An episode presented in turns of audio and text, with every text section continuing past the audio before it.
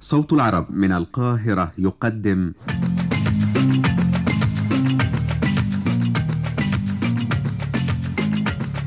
وصفة صحية مجانية.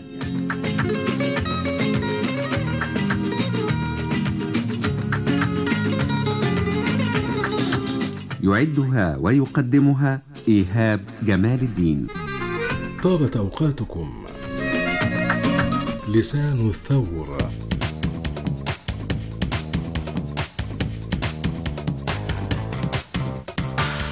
لسان الثور نبات عشبي حولي يعرف أيضا باسم الحمحم والجزء المستخدم منه جميع أجزاء النبات ويحتوي النبات على زيت طيار ومواد لعابية ومواد عفصية وصابونية وفيتامينات وأحماض عضوية. وقد أثبتت الأبحاث أن زيت لسان الثور يفيد علاج التهابات الجلد ويمكن استخدام زيت لسان الثور الموجود على هيئة كبسولات ويباع في محلات الأغذية التكميلية أو استعمال أوراق النبات طازجة مع السلطة ويستخدم المنقوع لالتهابات الجهاز البولي والتهابات المفاصل والتهابات القلب المصحوبة بالتورم.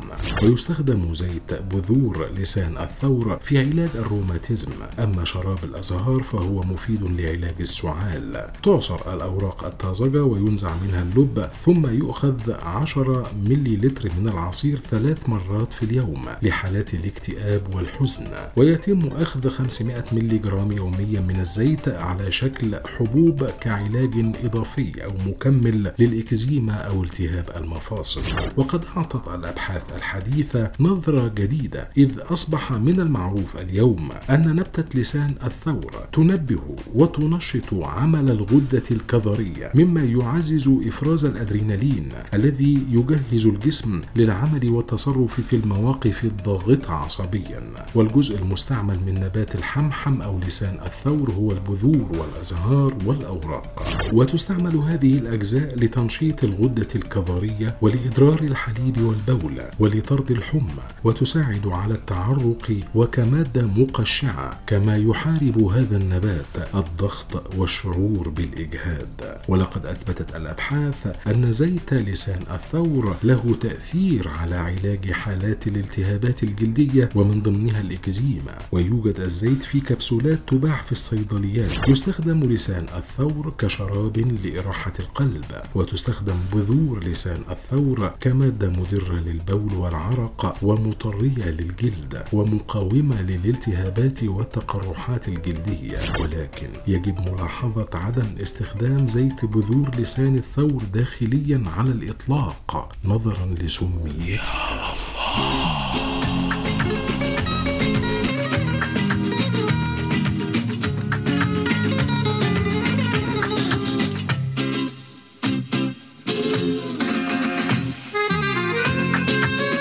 وصفة صحية مجانية.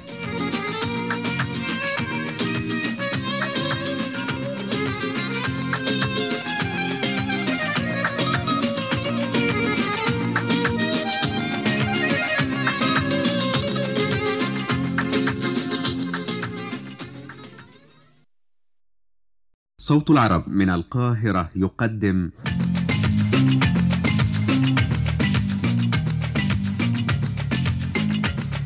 وصفة صحية مجانية.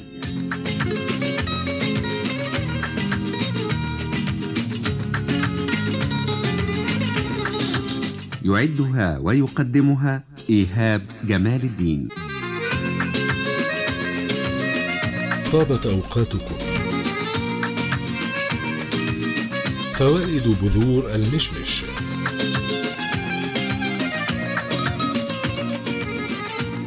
المشمش من الفواكه الطبيعية التي تتوفر في فصل الصيف وتحتوي بداخلها على بذرة لها العديد من الفوائد الصحية على جسم الإنسان حيث يتم طحن البذور جيدا وتضاف إلى الطعام أو يتم تناولها كالشاي. وبذور المشمش تعزز أيضا من صحة جمال المرأة ويتم استخدامها في تحضير الكثير من المنتجات التجميلية التي توضع على البشرة والشعر وذلك نظرا لاحتوائها على نسبة عالية من المواد والمركبات الكيميائية كذلك العديد من الفيتامينات الفيتامينات والمعادن الرئيسية الهامة ومن أكثر الفوائد الصحية شيوعا لبذور المشمش هي أنها تستخدم لعلاج أمراض السرطان وتوجد مادة في هذه البذور بعد طحنها تستخدم في صناعة الأدوية الكيميائية ومعظم الأدوية التي تعالج مرضى السرطان وتقوم بمكافحته وتدميره. وتوجد بعض المواد والمعادن أيضا في بذور المشمش تدخل في تحضير العلاجات الدوائية للقضاء على السرطان منها مادة الجلوكوزيدات. وهذه المادة تتكون من السيانيد السام وفيتامين باء 17 الذي يساعد على تدمير خلايا السرطان وتحد من الإصابة به كما يوجد العديد من المعادن المدمرة للسرطان في هذه البذور الخاصة بثمار المشمش. وتحتوي هذه البذور أيضا على حمض الهيدروسيانيك الفعال في تفتيت الأورام السرطانية الخبيثة خاصة أورام سرطان الكبد وسرطان البروستاتا وسرطان الجلد وسرطان عنق الرحم. لذلك يمكنك الوقاية من خطر السرطان اللعين من خلال طحن بذور المشمش وإضافتها إلى طعامك. كما تستخدم بذور المشمش في علاج كافة الفيروسات المسببة لنزلات البرد الشديدة والإنفلونزا المزمنة وذلك بفضل احتواء هذه البذور على قيمة عالية جدا من المعادن والعناصر الغذائية الهامة لتقوية جهاز المناعة الذي يقوم بدوره في محاربة البكتيريا والفيروسات التي تخترق الجسم وتتيح لها الفرصة لإصابة الإنسان بأمراض نزلات البرد الحادة كما أن بذور المشمش تعالج جميع الأعراض المزعجة الناتجة عن الإنفلونزا فهو مسكن طبيعي لآلام الرأس ومضاد حيوي لحالات الزكام والسيلان الأنفي والسعال الشديدة كما أنه يعالج أيضا احتقان الحلق ويقوم بترطيب الحنجرة لكي يساعد على البلع. ويمكنك تناول بذور المشمش عن طريق سحقها جيدا وإضافتها إلى العصائر الطبيعية.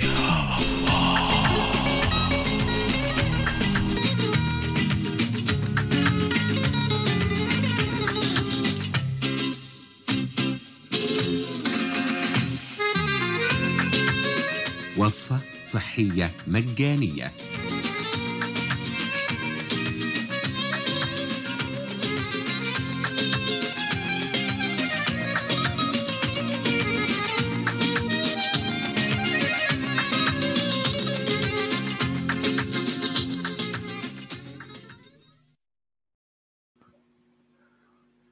عزيزي المستمع في كل أنحاء العالم أدعوك للاستماع إلى هذه الحلقات لبرنامج وصفة صحية مجانية.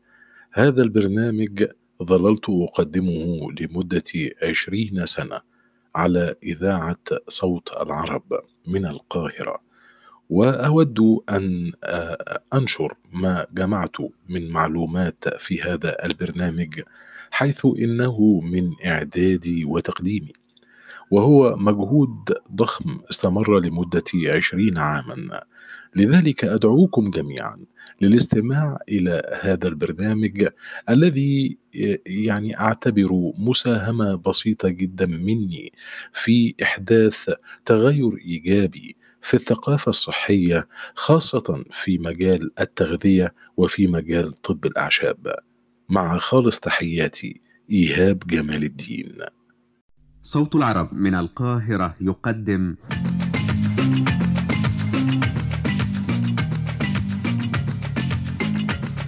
وصفة صحية مجانية.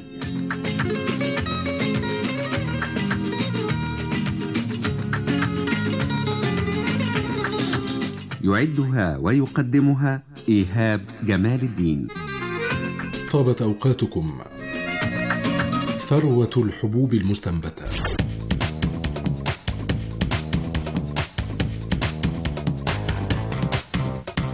الحبوب المستنبتة فيها قوة وغذاء وشفاء عجيب. وأجمل ما فيها أنه يمكن إضافتها إلى كل أنواع الأطعمة فيمكن إعداد السلطة منها وأطباق الشوربة والصلصات والخبز والكثير من الوصفات اللذيذة والغنية بالفائدة والقيمة الغذائية العالية. وقديما كان المطبخ يستخدم كمكان لتحضير الطعام وتخزين المعلبات. أما في القرن الحالي فالمطبخ أصبح ينتج الأطعمة بنفسه ونتمنى من الجميع أن يفعل نفس الأمر. فتصوروا لو كان لدى كل شخص منا طعام طازج في منزله وفي كل فصول العام عندها سنكون أكثر تمتعا بالصحة مع فواتير مشتريات أكثر انخفاضا إلى حد بعيد. فالنباتات الخضراء المزروعة في منزلك هي قمة المأكولات الطازجة حيث لن يضيع أي شيء من الفيتامينات ذات القيمة الغذائية العالية. هذه النباتات الفتية الخضراء تلتقط الطاقة الشمسية بقوة وتحولها إلى كلوروفيل وبالتالي فإن تناول الأطعمة الطازجة المليئة بالحيوية والغنية بالكلوروفيل يغذي كل خلية في جسمك ويزيدك قوة.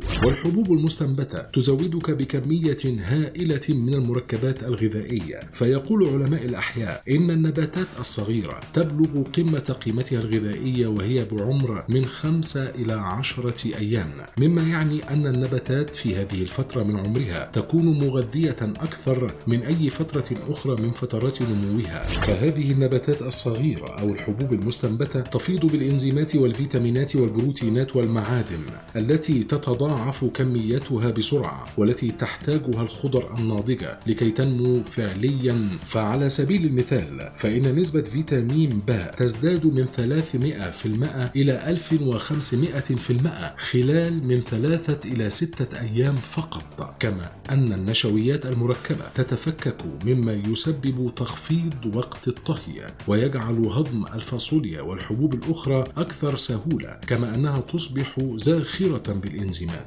لست بحاجة إلى خبير ليعلمك مدى غنى هذه الأطعمة بالعناصر الغذائية بل يمكنك أن تتذوق ذلك في نكهتها وأن تشمه في رائحتها وتراه في لونها. قم فورا بتحويل مطبخك إلى حديقة صغيرة. أسبوع واحد يفصلك عن الصحة والعافية فإنك لن تحتاج تربة. أو أسمدة أو أي مبيدات زراعية سامة بل كل ما تحتاجه هو بضعة أوعية نظيفة والقليل من الحبوب القمح أو الأرز أو العدس أو البازلاء وكذلك تحتاج لحفنة من البذور كبذور الفجل أو الخس أو السبانخ أو البرسيم.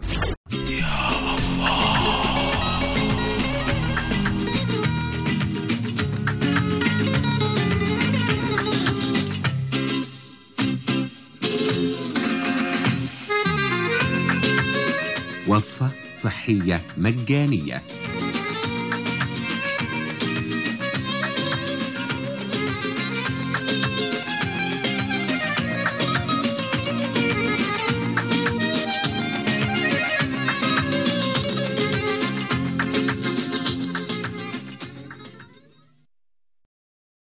صوت العرب من القاهرة يقدم.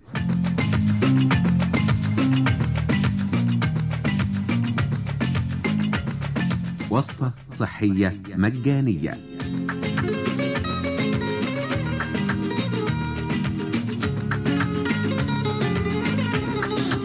يعدها ويقدمها إيهاب جمال الدين. طابت أوقاتكم. النسرين أو الورد البري.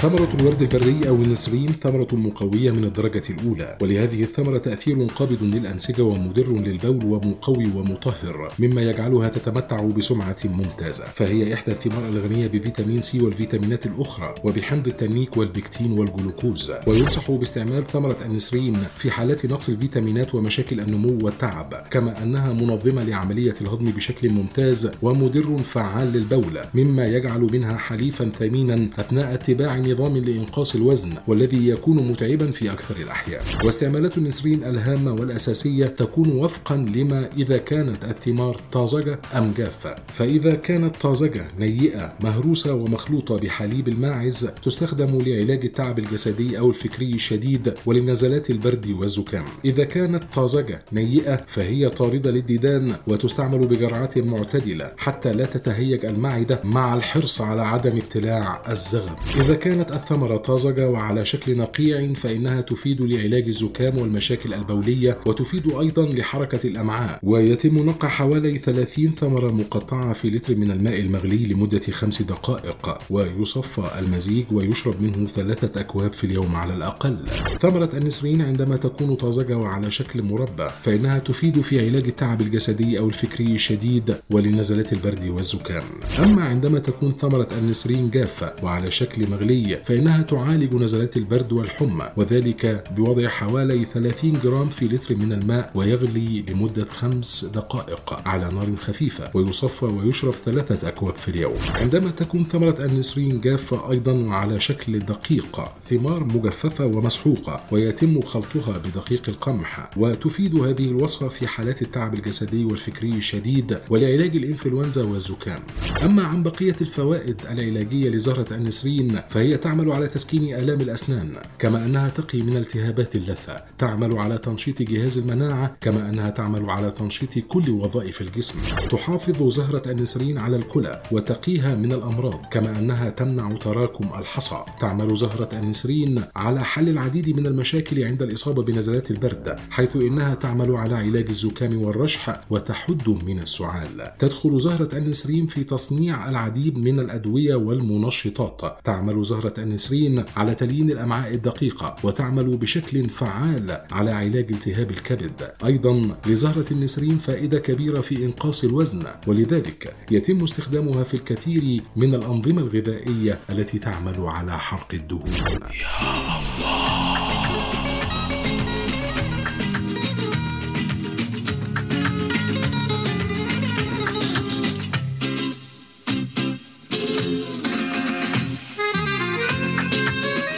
وصفة صحية مجانية.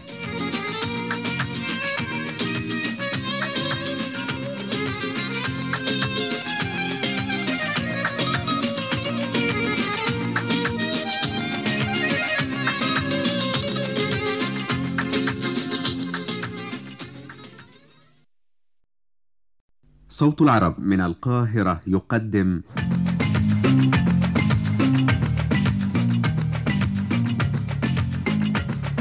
وصفة صحية مجانية.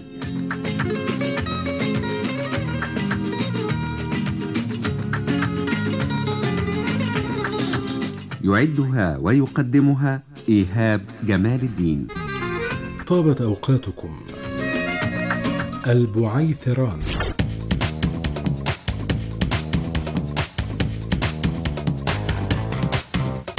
يعتبر البعيثران من النباتات العشبية العطرية والتي لها خواص طبية وتتبع الفصيلة المرمية ويعد من أنواع الشيح ويطلق عليه البعض البرك. يحتوي البعيثران على زيوت طيارة ومواد مرة المذاق ويتم تناوله بثلاث طرق إما. من خلال إضافة ملعقة من البعيثران المطحون على كأس من الحليب أو الماء أو أي نوع من السوائل أو عن طريق نقع مقدار من الأزهار والأوراق في كوب من الماء لمدة 12 ساعة ثم يصفى ويشرب أو بغلي ملعقة من جذور البعيثران في مقدار كوب من الماء لمدة خمس دقائق ثم يترك ليبرد ويصفى ويشرب منه مع مراعاة أن يكون مطحون البعيثران طازجا في كل مرة. أما عن فوائد عشبة البعيثران فإنها تستعمل في علاج بعض حالات سوء الهضم الحادة والمزمنة بالإضافة إلى أنه يسكن المغص ويعمل على طرد الديدان وذلك من خلال شرب مغلي مطحون البعيثران.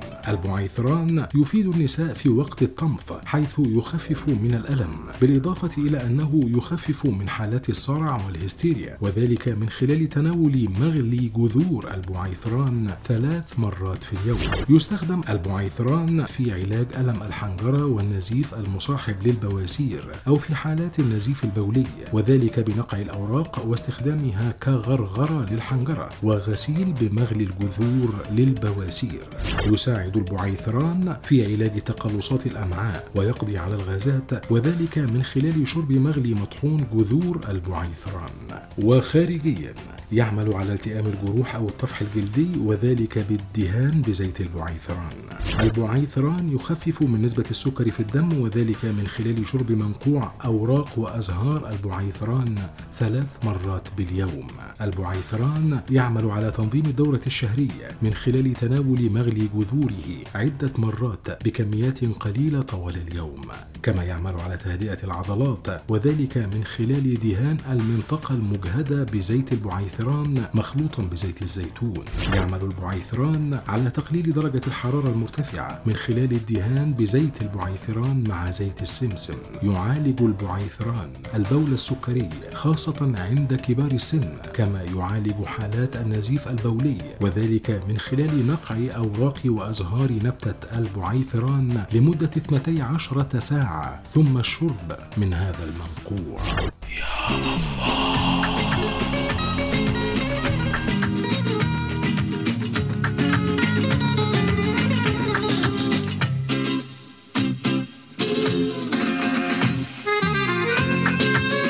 وصفة صحية مجانية.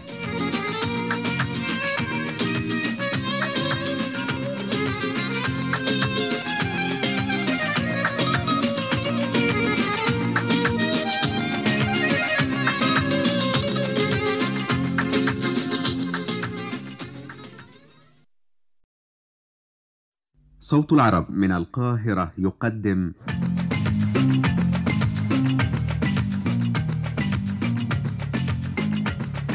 وصفة صحية مجانية.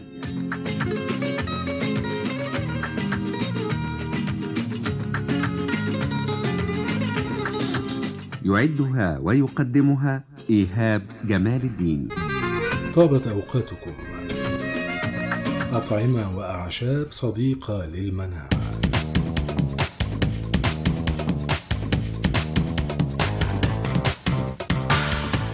ينصح الأطباء بتناول بعض الأعشاب والأطعمة الطبيعية من فواكه وخضروات لأهميتها للصحة العامة لجسم الإنسان بشكل عام ولجهاز المناعة بشكل خاص. ومن هذه الأعشاب والأطعمة الزنجبيل حيث ينصح الأطباء بتناوله على شكل شرائح طازجة أو على شكل مشروب دافئ فهو موسع للأوردة والشرايين ويخفض الكوليسترول كما أنه منبه للدورة الدموية ومضاد للغثيان والالتهابات ومضاد للمغص. الثوم. فالثوم يقاوم الكثير من الأمراض وهو بمثابة مضاد حيوي قوي. يعالج الثوم أمراض البرد والعدوى البكتيرية والفيروسية وهو من مضادات الأكسدة الرائعة والنافعة للجهاز المناعي ولعلاج السرطان حيث يحتوي على السيلينيوم كما يحتوي الثوم على الليسين والأحماض الأمينية والأيودين والكبريت ومعادن أخرى. الليمون يحمي من العديد من الأمراض فهو بمثابة صيدلية كاملة بالمنزل فهو مضاد للعدوى ومضاد للالتهابات ومضاد للدهون ومضاد للهستامين والليمون مقاوم للبكتيريا والفيروسات لاحتوائه على حمض الستريك ومفيد في علاج البرد والإنفلونزا والالتهابات والحمى كما يفيد في علاج كثير من الأمراض الجلدية. البرتقال وهو من أجمل الفواكه ويحتوي على فيتامين سي وهو من الفيتامينات الهامة التي تذوب في الماء وله أهمية في نمو الأنسجة والتئام الجروح وتقوية العظام وعلاج الجروح والأوعية الدموية. كما يقاوم البرد والإنفلونزا وهو من أهم مضادات الأكسدة التي تحمي الجسم من التلف. وفيتامين سي الموجود في البرتقال يعيد للجسم حيويته ويعالج البشرة والجلد كما يحتوي البرتقال أيضا على الكولاجين الذي يحفظ شباب البشرة. لذلك فهو يدخل في تركيب كريمات حماية البشرة من الشيخوخة. الليمون مع البرتقال كعصير طازج غير محلى يعتبر من أعلى العصائر من حيث الفوائد الصحية للجسم والزنجبيل والليمون أيضا يعتبر مشروبا نافعا ينقي الصدر من الالتهابات والبلغم.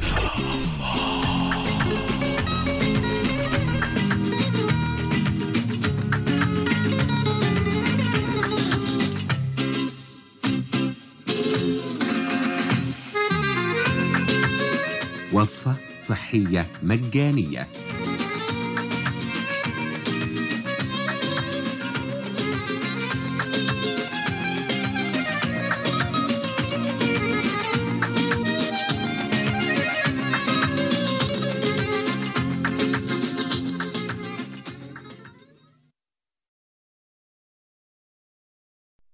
صوت العرب من القاهرة يقدم.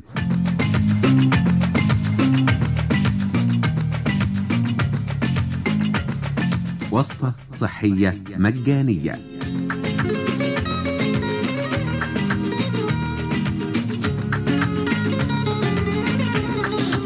يعدها ويقدمها إيهاب جمال الدين. طابت أوقاتكم. المغنيسيوم.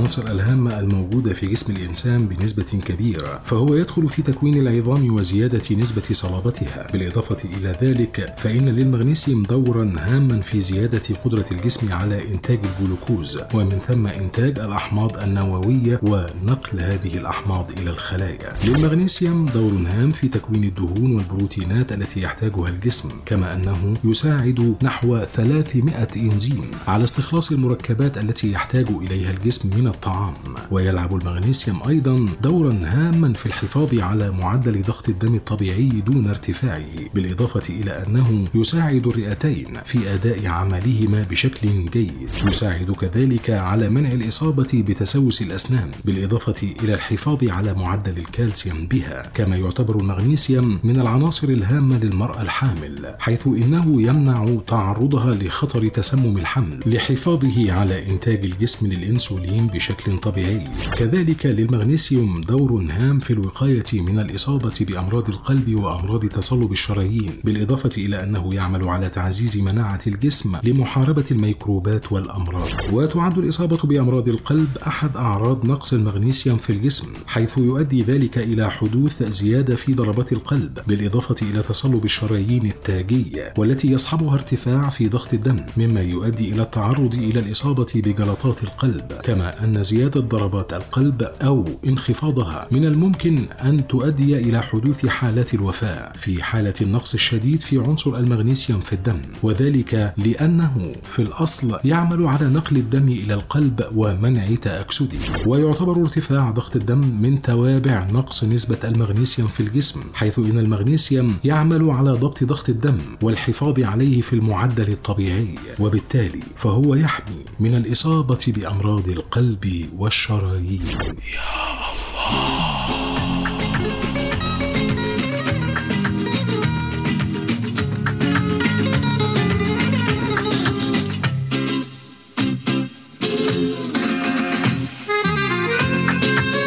وصفة صحية مجانية.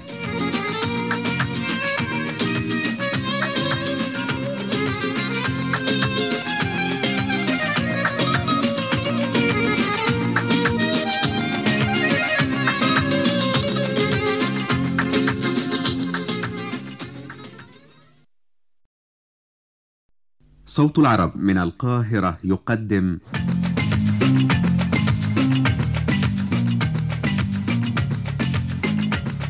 وصفة صحية مجانية.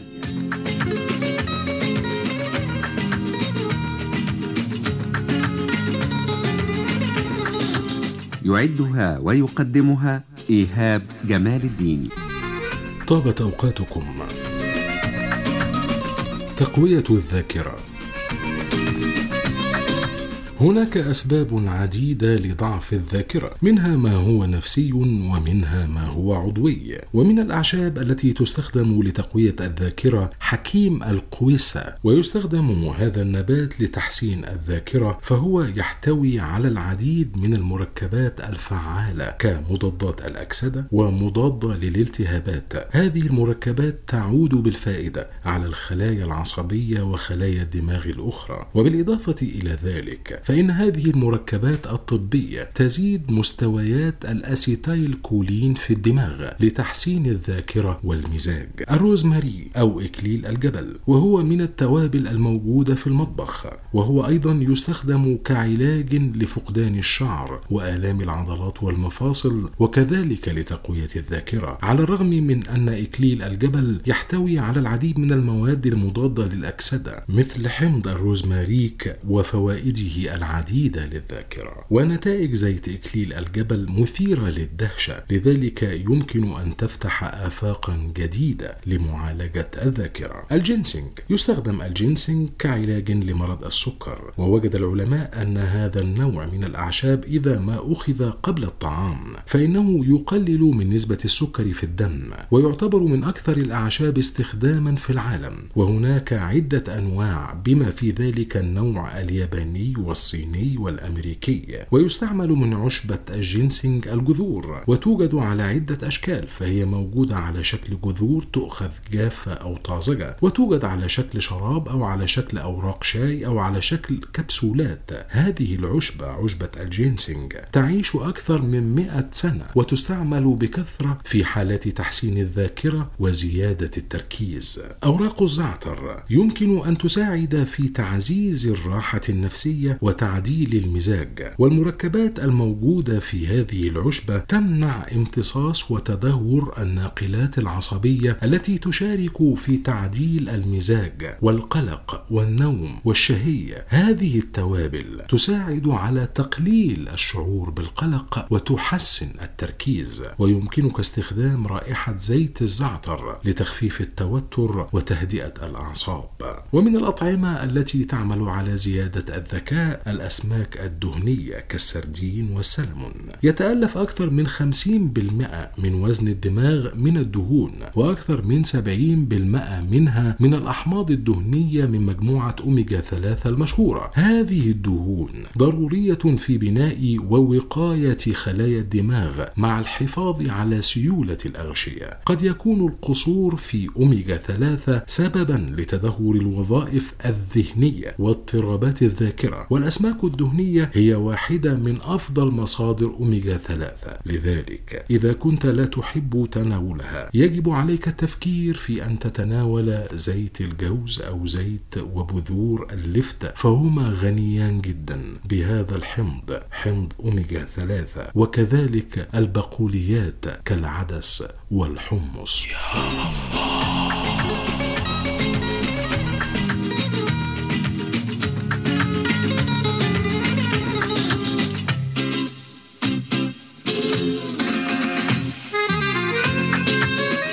وصفة صحية مجانية.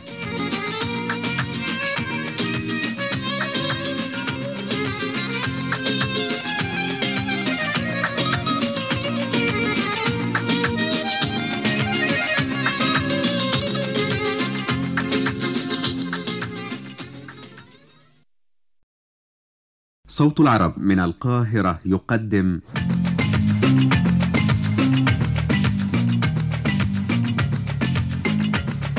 وصفة صحية مجانية.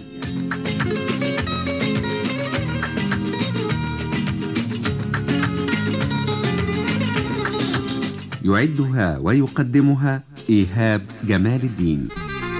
طابت أوقاتكم اللألوب أو تمر العبيد.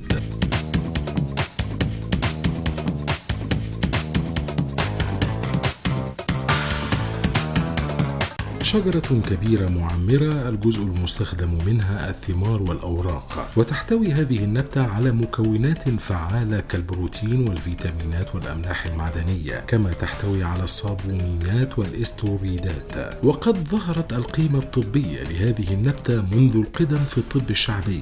فكان الطب الشعبي يستعمل خلاصة الجذور ضد الملاريا واستعمله الهنود القدامى لعلاج بعض الأمراض الجلدية كالبهاق. وكانت المرضعات تأكل ثمرة تمر العبيد التي تشبه البلح ولكنها مرة الطعم تأكلها لإدرار اللبن.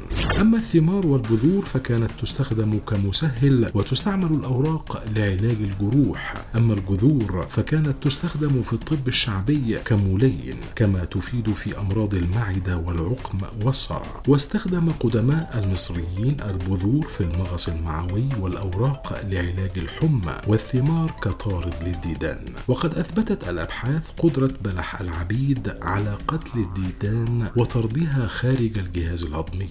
ونظرا لاحتواء البذور على مادة لها تأثير كالهرمونات فكانت تستخدم كمانع للحمل وكمضاد للالتهابات الجلدية وكعلاج لبعض حالات مرض السكر. كما قام أحد الباحثين بفصل مركبين من بلح العبيد يستخدمان كمسكن للآلام ومضاد للالتهابات الالتهابات وفي عام 2011 أثبت الباحثون قدرة بعض المواد الفعالة ببلح العبيد في علاج أورام الثدي والقولون. وقد أثبتت أيضا الأبحاث قدرة الزيت المستخلص من ثمار شجرة العبيد في قتل بعض أنواع البكتيريا والفطريات.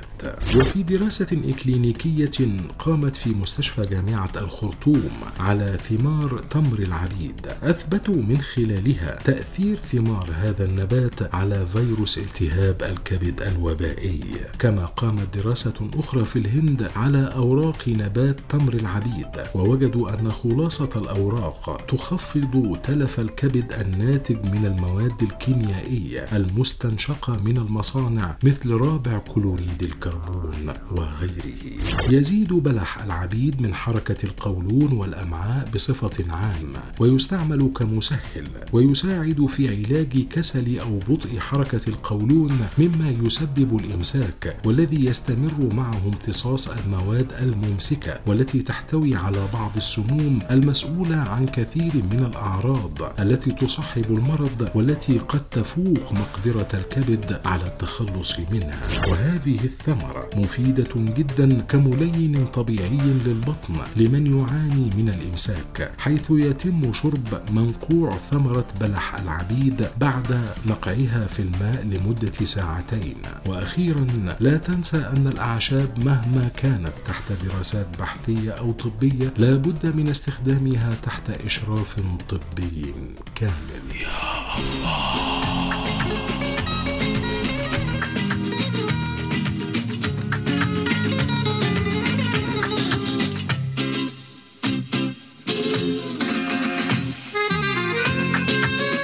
وصفة صحية مجانية.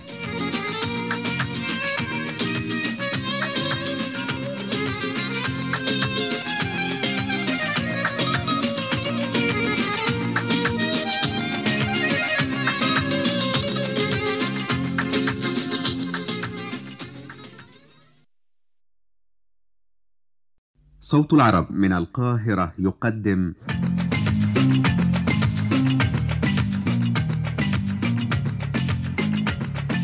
وصفة صحية مجانية.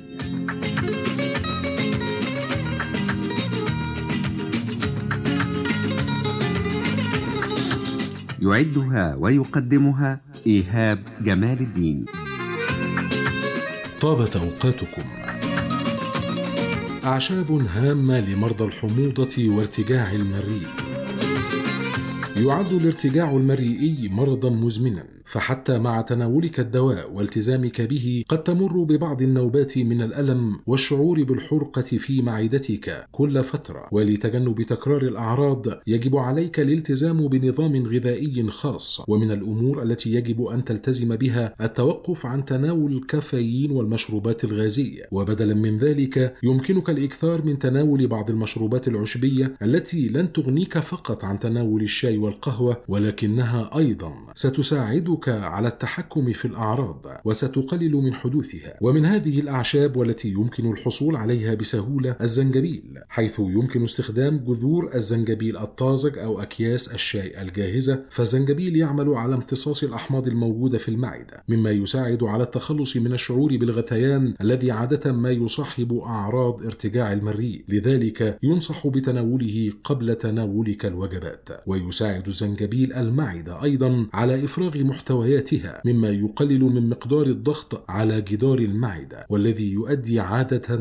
إلى تهيج المعدة والشعور بالألم. يمكن تناول مشروب الزنجبيل ثلاث مرات يوميا ولا تستخدم أكياس الشاي التي تحتوي على خليط الزنجبيل والقرفة لأن القرفة قد تتسبب في تهيج المعدة لدى بعض المرضى. شاي البابونينج أو الكاموميل يستخدم عادة لعلاج أغلب أعراض اضطرابات الجهاز الهضمي وذلك بسبب خواصه المضاده للالتهاب الالتهابات فيساعد الكاموميل على تهدئة المعدة ويقضي على الشعور بالألم في المعدة وسوء الهضم والانتفاخ مما يقلل من احتمالات حدوث ارتجاع المريء. والكاموميل متوفر دائما لدى محال العطارة والصيدليات والمتاجر ويمكن تناول مشروب الكاموميل الدافئ حتى ثلاث مرات يوميا بعد تناولك الوجبات بذور الشمر يستخدم الشمر منذ مئات السنين لعلاج اضطرابات الجهاز الهضمي المختلفة وذلك بسبب قدرته على تسكين آلام الجهاز الهضمي وتأثيره المضاد للالتهاب. يقلل الشمر أيضا من إفراز الأحماض في المعدة والتي تسبب الشعور بالحرقة لدى مرضى الارتجاع ويقضي أيضا على الغازات والانتفاخات.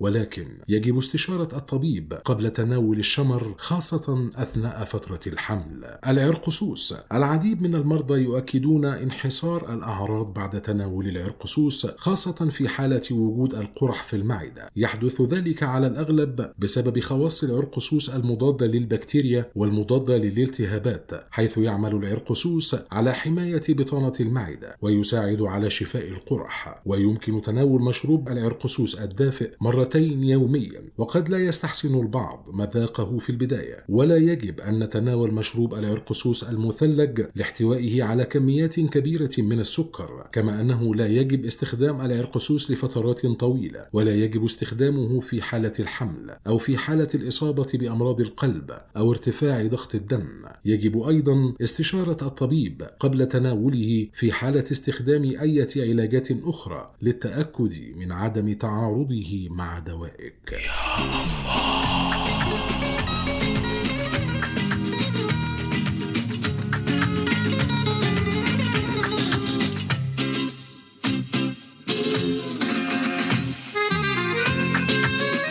وصفة صحية مجانية.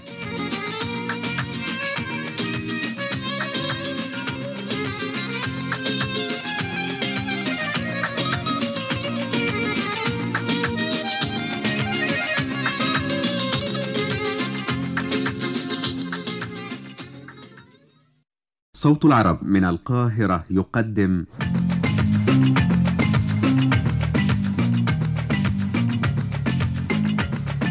وصفة صحية مجانية.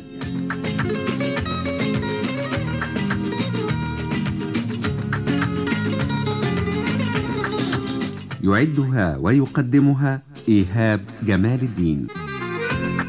طابت أوقاتكم. زيت الكزبرة أمل واعد وثورة في عالم العلاج.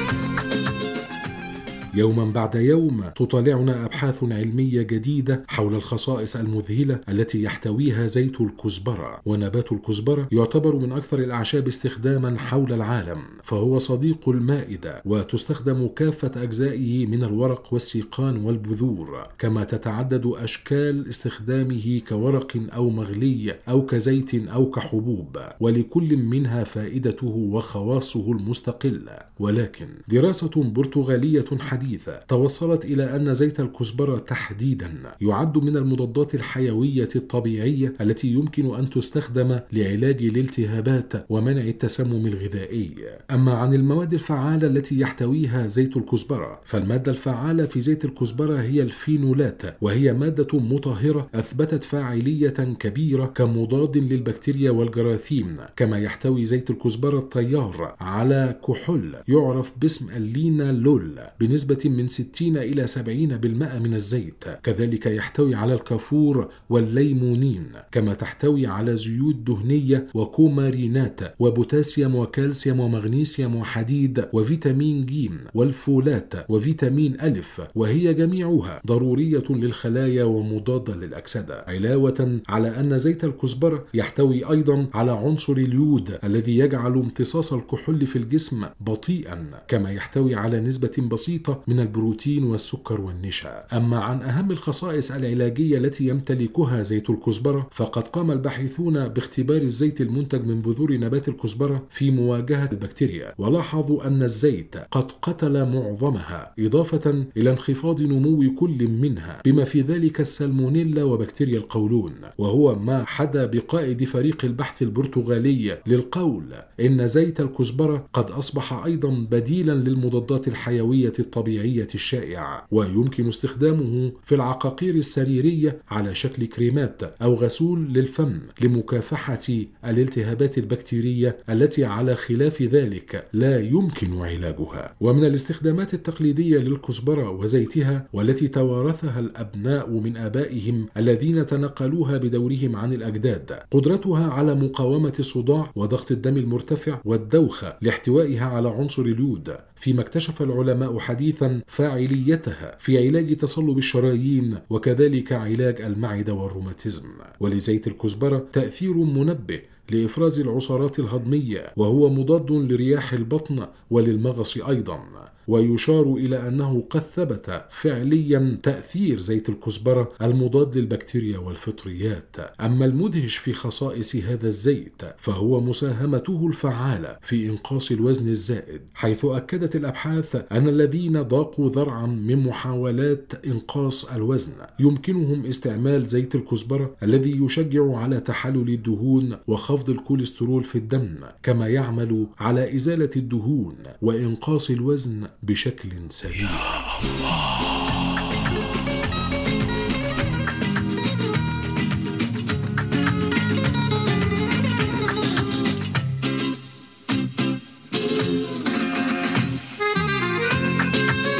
وصفة صحية مجانية.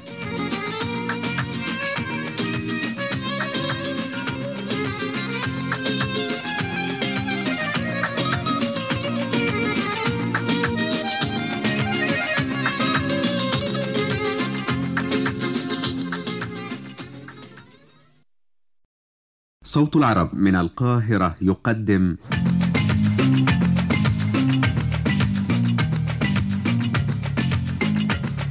وصفة صحية مجانية.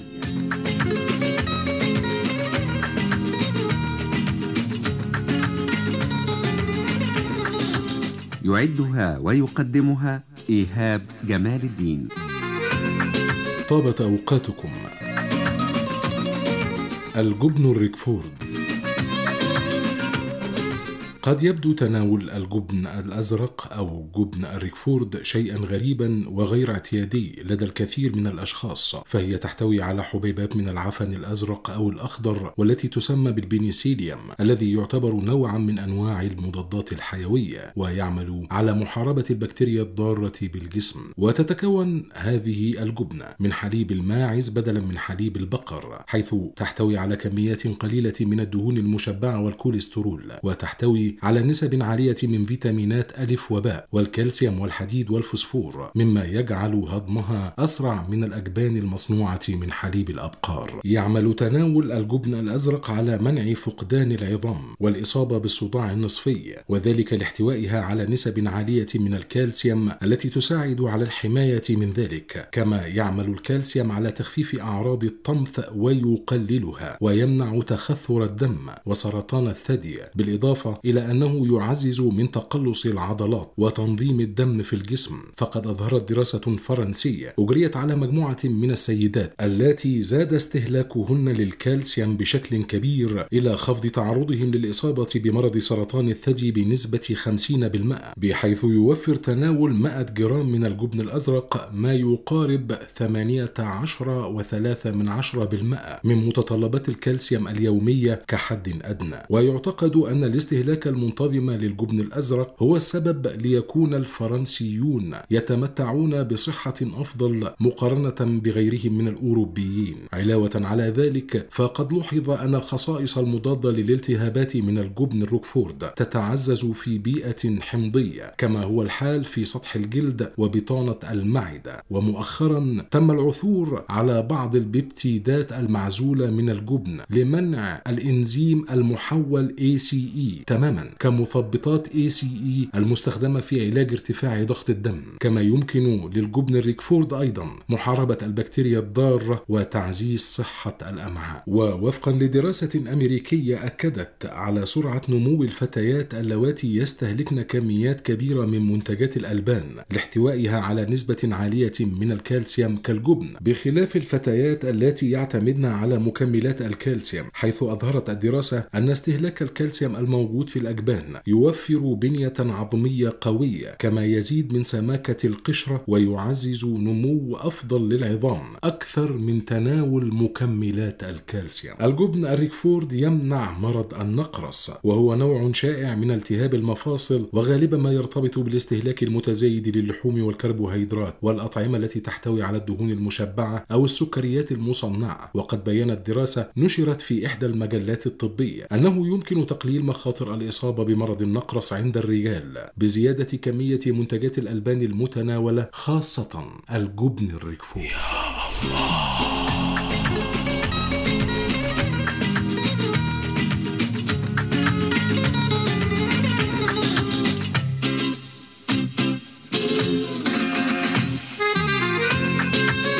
وصفة صحية مجانية.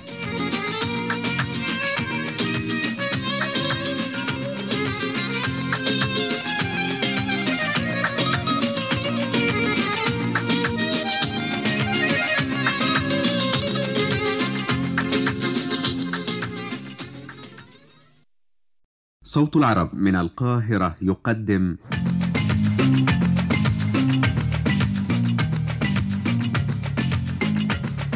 وصفة صحية مجانية.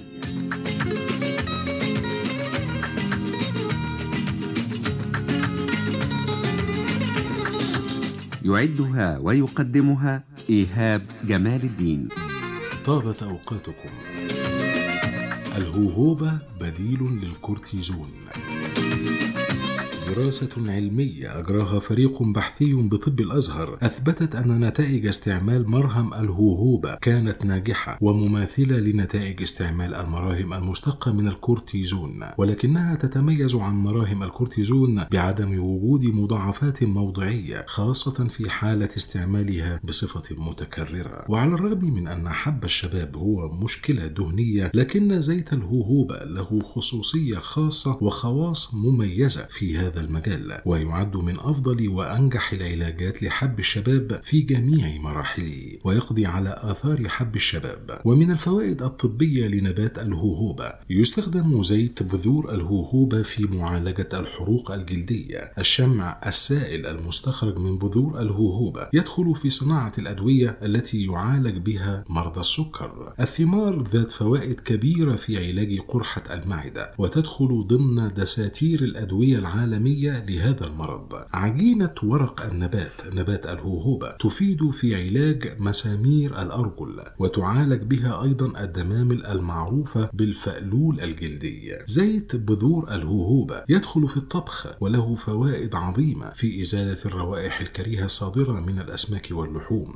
وفي إزالة القشر من البشرة ومعالجة جفافها ومعالجة تشققات القدمين ومنع القرحة خاصة لدى المدخنين. زيت الهوهوبة يستخدم في علاج البلغم كما يستخدم في علاج أي فطريات بين أصابع القدمين أو أي مكان آخر وعلاج الإكزيما الجلدية وحب الشباب والحروق من الدرجة الأولى. نبات الهوهوبة يستخدم في علاج أمراض الروماتيزم وأوجاع المفاصل لاحتوائه على حامض الميريستيك وذلك بفركه في مناطق الألم مما يجعله مميزا في عمليات المساج في مراكز العلاج الطبيعي. يستخدم أيضا في معالجة قرح النوم على الفراش طويلا لدى المسنين كما يستخدم نبات الهوهوبة في معالجة الإمساك بتليين الجهاز الهضمي لدى كبار السن وذلك بتناول ملعقة كبيرة من زيت الهوهوبة الطبيعي الخالي من المواد الكيميائية قبل الأكل مع ملعقة صغيرة من العسل.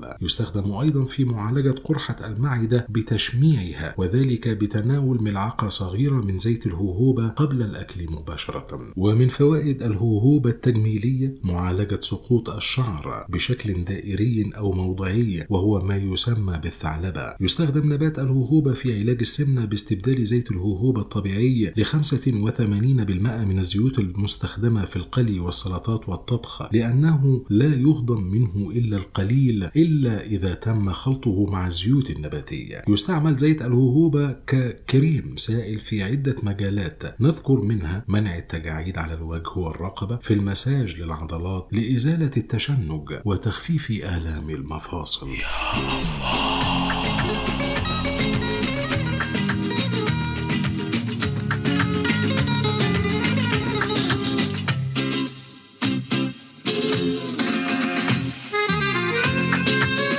وصفة صحية مجانية.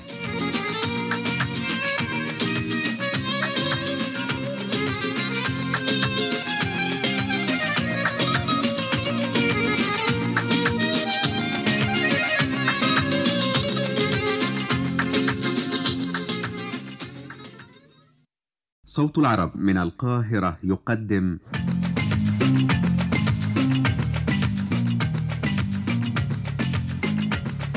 وصفة صحية مجانية.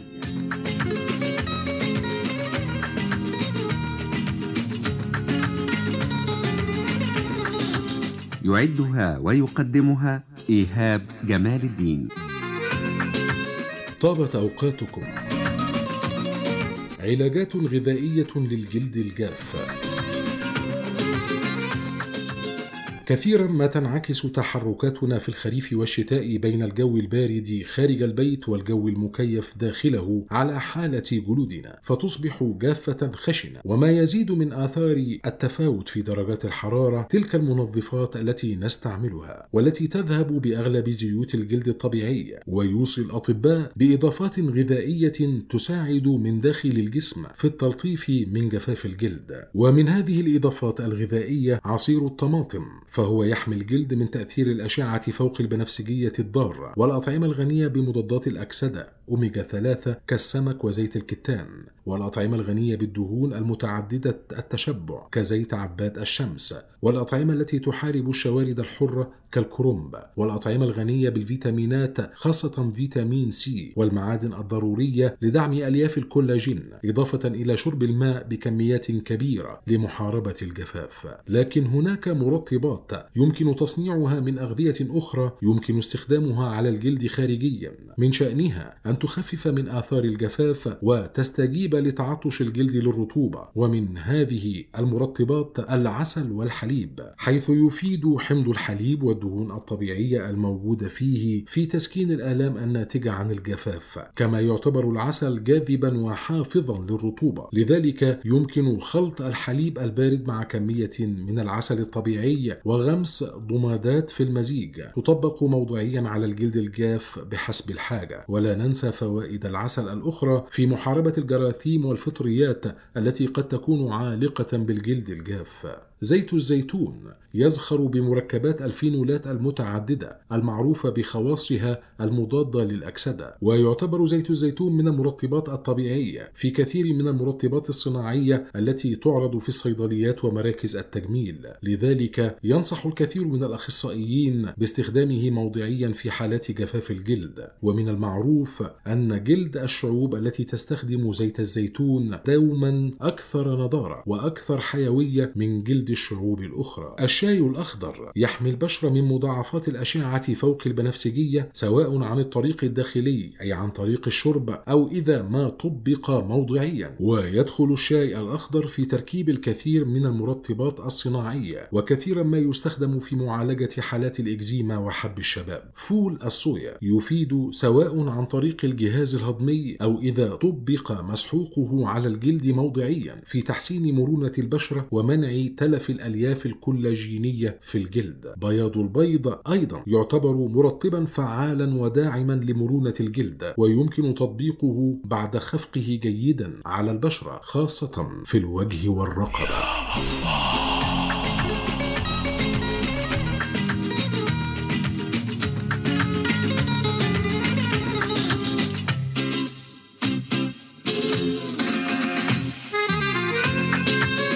وصفة صحية مجانية.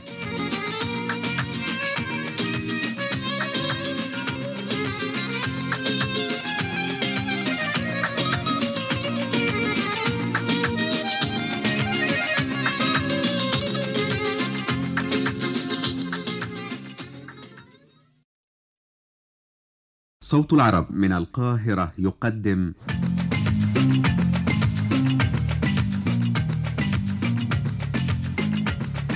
وصفة صحية مجانية.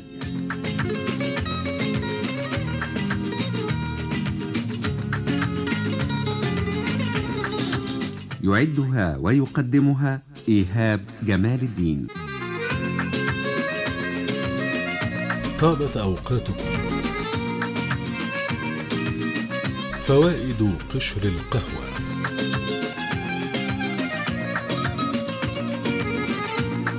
قشر القهوة الذي يتم استخلاص حبات البن منه لديه المزيد من الفوائد الرائعة على الجسم فما هي مميزاته وفوائده؟ من أهم الفوائد التي يتمتع بها قشر القهوة هي تنحيف الجسم بشكل فعال خاصة تنحيف منطقة البطن حيث يحتوي معجون قشر القهوة على العديد من المركبات الكيميائية الطبيعية التي تزيد من حرق الدهون وإذابتها بشكل سريع وذلك من خلال قدرته الفائقة في زيادة العصارة الهضمية التي تقوم بدورها في حرق الدهون المتراكمة والتخلص من الشحوم والترهلات الموجودة في الجسم. فنجان من قشر القهوة يساعد على تقليل نسبة الكوليسترول الضار في الدم ويفتت السعرات الحرارية الزائدة. ومن الفوائد السحرية التي يتميز بها فنجان قشر القهوة الرائع هو أنه يساهم بشكل كبير في تعزيز صحة القلب حيث يلعب دورا هاما في تقوية عضلة القلب وتنشيطها والحد من إصابتها بأي مشاكل صحية تتسبب في بطء ضخ الدم إلى القلب. وباقي أجزاء الجسم كما أن قشر القهوة يساعد على توسيع الأوردة والأوعية الدموية ويمنع من التعرض للإصابة بانسداد الشرايين أو الإصابة بالأمراض والنوبات القلبية الحادة كما يساهم في إعادة تنظيم ضربات القلب والتخفيف من خفقان القلب لأن قشر القهوة يحتوي على العديد من الخصائص الطبيعية التي تساعد على تخفيض نسبة الكوليسترول الضار في الدم ويقوم بتقوية سرعة تدفق الدم عبر الأوردة الدموية. يفيد فنجان قشر القهوة أيضا في الحفاظ على سلامة الجهاز العصبي كثيرا فهو يقوم بتجديد الخلايا العصبية وترميم التالف منها وهو يساعد كذلك على تدفق الدم إلى المراكز الدماغية المسؤولة عن الإدراك والانتباه والاستيعاب كما يحد قشر القهوة من ضعف الذاكرة بل أنه يساعد على تقويتها كما يقي قشر القهوة الدماغ من الإصابة بمرض ألزهايمر وهو يساعد على تهدئة الأعصاب والتخلص من حالات التوتر والقلق والانفعال العصبي. ومن فوائد قشر القهوة أيضا أنه يخفف من آلام الصداع النصفي وآلام أسفل الرأس فهو مسكن طبيعي وفعال لمثل هذه الآلام المزمنة. وتمتد فوائد قشر القهوة لتصل إلى المعدة والجهاز الهضمي حيث يتمكن هذا الفنجان الصغير الذي يحتوي على مغلي قشر القهوة من تحسين عمليات الهضم وتنشيط التمثيل الغذائي ورفع حرق الدهون أو معدل التمثيل الغذائي. كما يعمل على تنقية المعدة من السموم والجراثيم والنفايات والفضلات العالقة في جدار الجهاز الهضمي والقولون. كما أن قشر القهوة يزيد من حركة الأمعاء ويخفف من آلام المغص وتقلصات البطن وتشنجاتها فهو يعد مسكنا فعالا للآلام كما يقوم بطرد الغازات الموجودة في البطن ويخفف من إصابتها بالانتفاخ. يا الله.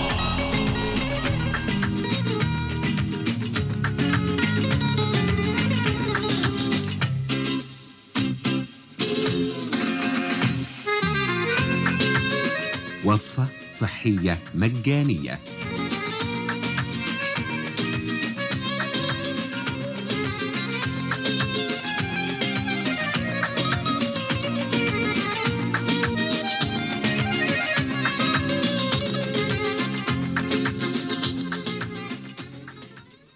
صوت العرب من القاهرة يقدم.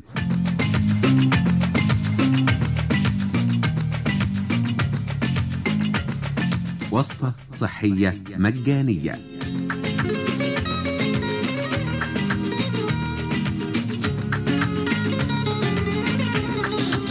يعدها ويقدمها إيهاب جمال الدين. طابت أوقاتكم البنجر.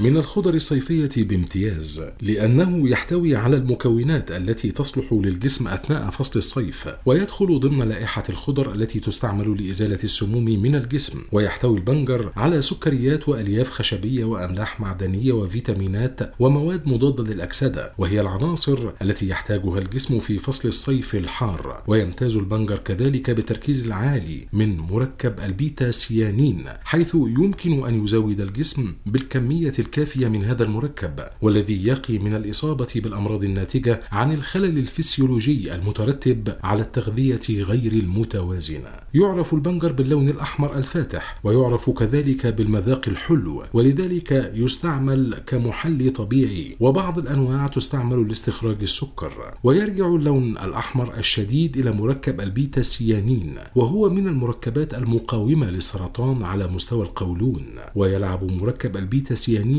دورا في تنشيط الإنزيمات التي تمكن الخلايا الكبدية من التصدي للجذور الحرة والتي تتكون من جراء تحطيم المركبات السامة نظرا لأن الكبد هو أول عضو يقع فيه هذا الحدث. وقد لاحظ الباحثون كذلك أن استهلاك البنجر بكثرة وبانتظام يزيد في عدد الخلايا المناعية المتخصصة في التعرف على الخلايا غير العادية وإزالتها من الجسم وتعرف هذه الخلايا المناعية بمراقبتها وحراستها للجسم. ومن الخصائص الواقية التي يمتاز بها البنجر مقاومته للتطفر في خلايا المعدة وهو التطفر الذي تسببه مركبات النيتريت والذي يؤدي إلى تكون سرطان المعدة. ومعلوم أن مركب النيتريت يستعمل لحفظ كثير من المواد الغذائية خاصة المواد المصنعة من اللحوم. وعلاوة على مركب البيتا سيانين المضاد للأكسدة فإن البنجر يحتوي على ألياف خشبية بنسبة عالية وهي المركبات التي تخفض الكوليسترول والشحوم في الدم وتقي من أمراض القلب والشرايين. فالبيتا سيانين يحد من تأكسد الكوليسترول ليتحول من الحميد إلى الخبيث والألياف الخشبية تنقص من الكمية التي تجري في الدم ويحد استهلاك البنجر من أثر الكثير من الالتهابات في الجسم. ويحتوي البنجر على نسبة هامة من حمض الفوليك الذي يلعب دورا أساسيا بالنسبة للجنين. ولذلك يجب على النساء الحوامل أن يستهلكن البنجر بانتظام أثناء الأشهر الأولى من الحمل. ويحتاج الجسم إلى أربعة أجزاء من عشرة أجزاء من حمض الفوليك يوميا. ويعطي الكأس الواحد من عصير البنجر ما يعادل 140 ملي جرام من حمض الفوليك.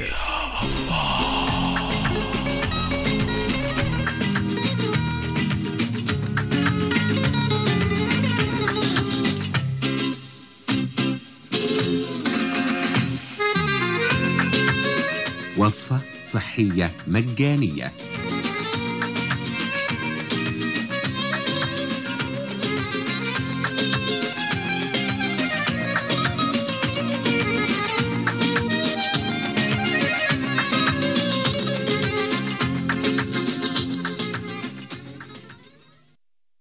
صوت العرب من القاهرة يقدم.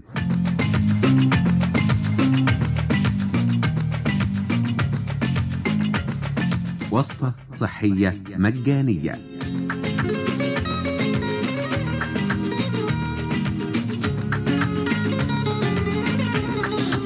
يعدها ويقدمها إيهاب جمال الدين. طابت أوقاتكم. فوائد شاي الزعتر. الزعتر عشبة تحتوي على العديد من المواد الفعالة ويتم استعمال عشبة الزعتر في كثير من الأطعمة كمكمل غذائي ومنكه لذيذ كما يتم شربه كشاي بالإضافة إلى استخدامه في العديد من الأغراض العلاجية بشكل شعبي. ويتم تحضير شاي الزعتر عن طريق إضافة واحد ونصف إلى 2 جرام من الزعتر إلى الماء المغلي ثم تتم تصفيته وشربه. وتشمل فوائد عشبة الزعتر التي تم علميا كلا مما يأتي. يعتبر الزعتر مضادا لتقلصات القصبات الهوائية وتقترح بعض الدراسات أن تناوله مع بعض الأعشاب الأخرى. يحسن من بعض أعراض التهاب القصبات الهوائية كالكحة وارتفاع درجة الحرارة وزيادة إنتاج البلغم. كما تقترح بعض الدراسات أن تناول الزعتر وحده أو مع بعض الأعشاب الأخرى يحسن من أعراض الكحة في العديد من الحالات الصحية الصدرية التي تشمل التهابات القصبات الهوائية والتهابات الجهاز التنفسي العلوي والرشح والتهاب الرئتين والفم والتهاب الحلق. يعتبر الزعتر طاردا للبلغم وله تأثيرات مضادة للتشنجات ويمكن أن يعمل على تحسين الشهية وتحسين وظائف الكبد. ويعتبر الزعتر مفيدا في حالات عدوى الجهاز الهضمي. أوراق الزعتر تعتبر مصدرا جيدا لمضادات الأكسدة التي تحارب الجذور الحرة وتخفض من الإجهاد التأكسدي في الجسم ووجد لمستخلصات الزعتر المائية تأثيرات مضادة للفيروسات وتحديدا ضد فيروس الهيربس البسيط. يحتوي الزعتر على مركبات كيميائية تساهم في محاربة البكتيريا والفطريات وتحمل زيوت الطيارة الموجودة في الزعتر تأثيرات مضادة للالتهاب. أما عن الأعراض الجانبية وموانع الاستعمال فيعتبر تناول الزعتر بالكميات الموجودة في الطعام بشكل اعتيادي آمنا في البالغين والأطفال كما أن استخدامه للأغراض العلاجية يعتبر آمنا أيضا عندما يتم استخدامه لفترات قصيرة ولكنه يمكن أن يسبب ألما في البطن كما أن تناوله بالكميات الموجودة عادة في الطعام يعتبر آمنا في فترات الحمل والرضاعة ويجب أخذ الحيط والحذر من قبل الأشخاص الذين يعانون من حساسية من عشبة الأوريجانو أو الزعتر البري أو أي من أعشاب عائلة النعناع حيث يمكن أن يسبب الزعتر لهم حساسية ويجب أن يتم التوقف عن تناول عشبة الزعتر قبل أسبوعين على الأقل من مواعيد العمليات الجراحية. ذلك لأن الزعتر يمكن أن يعمل على إبطاء تخثر الدم مما يمكن أن يرفع من خطر النزيف خلال العمليات الجراحية.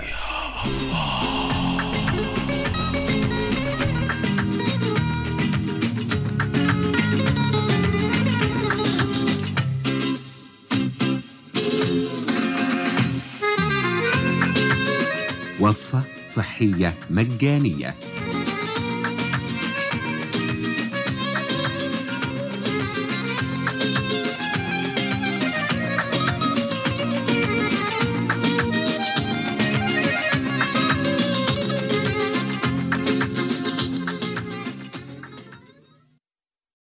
صوت العرب من القاهرة يقدم.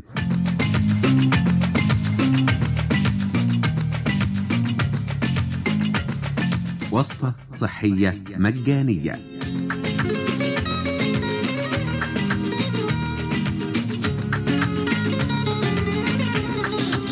يعدها ويقدمها إيهاب جمال الدين. طابت أوقاتكم. حليب الشوفان.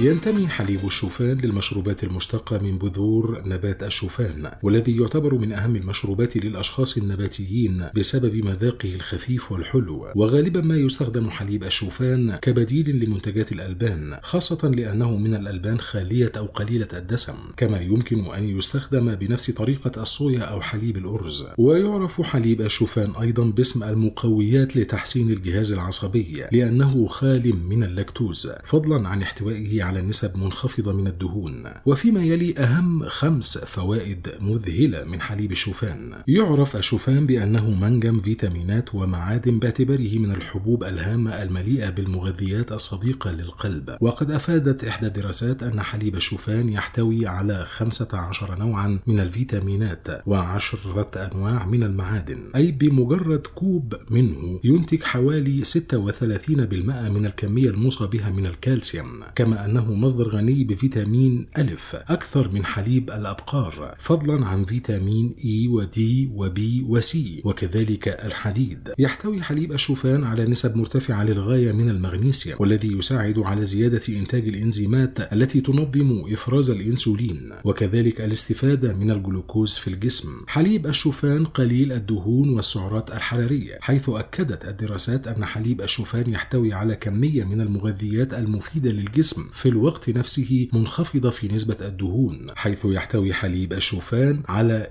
2.5 جرام من الدهون غير المشبعة ينخفض حليب الشوفان بشكل لا يصدق في السعرات الحرارية أكثر من أي نوع آخر من منتجات الألبان. يخالف حليب الشوفان بعض منتجات الألبان التي تحتوي على الكوليسترول خاصة لأنه يحتوي على صفر من الكوليسترول كما أن الاستهلاك المنتظم لحليب الشوفان يخفض الكوليسترول الضار في الجسم الزائد الذي يعزز تراكم الدهون في الشرايين والذي يمكن أن يؤدي إلى أمراض القلب والأوعية الدموية كما يزيد من خطر ارتفاع ضغط الدم والسكتة الدماغية وبعض أنواع السرطان. يحتوي حليب الشوفان على أهم المغذيات التي تسمى بيتا جلوكان وهو أحد الألياف القابلة للذوبان التي تقوي جهاز المناعة والاستهلاك المنتظم للأغذية الغنية بهذه المادة يمنع العدوى كما يحسن قدرة الجسم الطبيعية على شفاء نفسه. وتعمل مادة بيتا جلوكان أيضا على خفض خطر الإصابة بمرض السكر عن طريق زيادة اللزوجة في الأطعمة المصنعة في القناة الهضمية. وهذا يبطئ من امتصاص الكربوهيدرات في الجسم كما ينظم مستوى السكر في الدم لدى الأشخاص المصابين بمرض السكر من النوع الثاني.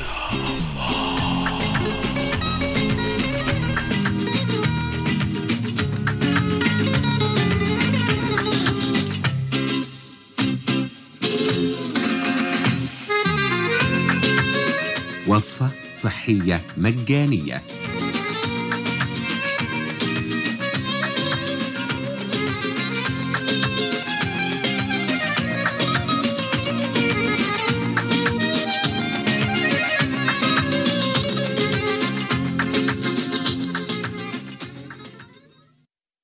صوت العرب من القاهرة يقدم.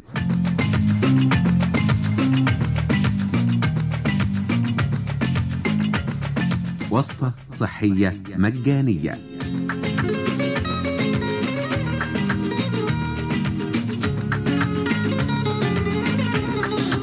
يعدها ويقدمها إيهاب جمال الدين. طابت أوقاتكم.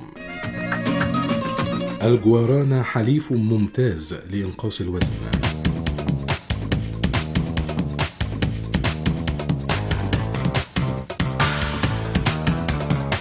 تستخدم نبتة الجوارانا على نطاق واسع في الطب البديل وهي عبارة عن مكملات غذائية تساعد الجسم على التخلص من الدهون وتحويلها إلى طاقة وهذا ما سيجعلها أفضل حليف للتخسيس لديك. وأصل هذا النبات من غابات الأمازون المطيرة وهو شجيرة متسلقة ويزرع اليوم في عدة مناطق من أمريكا الجنوبية وهو ثمرة ناضجة تحتوي على بذور بيضاء تتخللها بذور سوداء اللون توحي بشكل العين. وعندما تجف هذه البذور تصبح ثروة من المواد النشطة التي تعزز الجسم وتمنحه الطاقة والقوة لاحتوائها على مجموعة من المنشطات من أهمها الكافيين.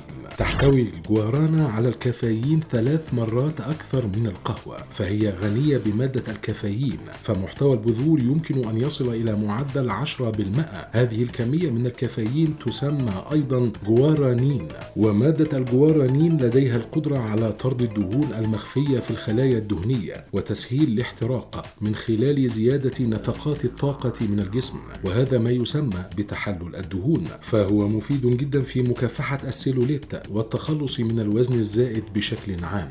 والكافيين والعديد من المشتقات التي تتوفر عليها الجوارانا تتمركز في البذور وهي مكونات تسهل القضاء على السكر وتحفز التمثيل الغذائي كما أنها مدر فعال للبول. يمكن الاستفادة من خصائص الجوارانا في كبح الشهية عن طريق استهلاكها قبل موعد وجبات الطعام لضمان استهلاك كمية أقل من الطعام.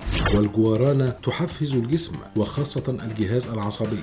ومن المعروف أنها تزيد من يقظة السائقين والعمال ليلا أو فترة مراجعة الطلاب. وغالبا ما تستخدم للحفاظ على نشاط العقل وحيويته. يتم استهلاك الجوارانا بسهولة في كبسولات قبل وجبات الطعام. وفي حالة اتباع نظام غذائي مراقب الرقب يمكنك تناول كبسولة واحدة صباحا ومساء مع كوب كبير من الماء وبالطبع يكون هذا تحت إشراف طبي. يمكن أيضا نقع ملعقة من الجوارانا مصنوعة من البذور في ربع لتر من الماء لمدة عشر دقائق. وبعض الأشخاص يتناولون على الريق خليط يتكون من مسحوق الجوارانا مع الماء أو اللبن أو الجبن. وهناك العديد من المنتجات الغذائية المتواجدة في الأسواق مدعمة بالجوارانا ولكن يجب تفادي تناول الجوارانا بعد الساعة السادسة مساء لتفادي مشاكل الأرق وصعوبة النوم.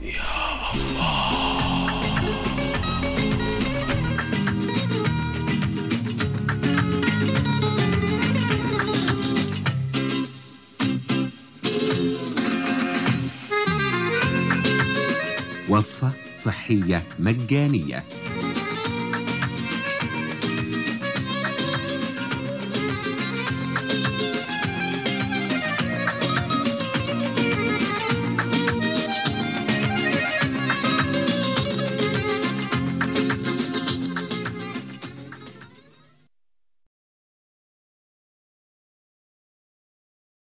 صوت العرب من القاهرة يقدم.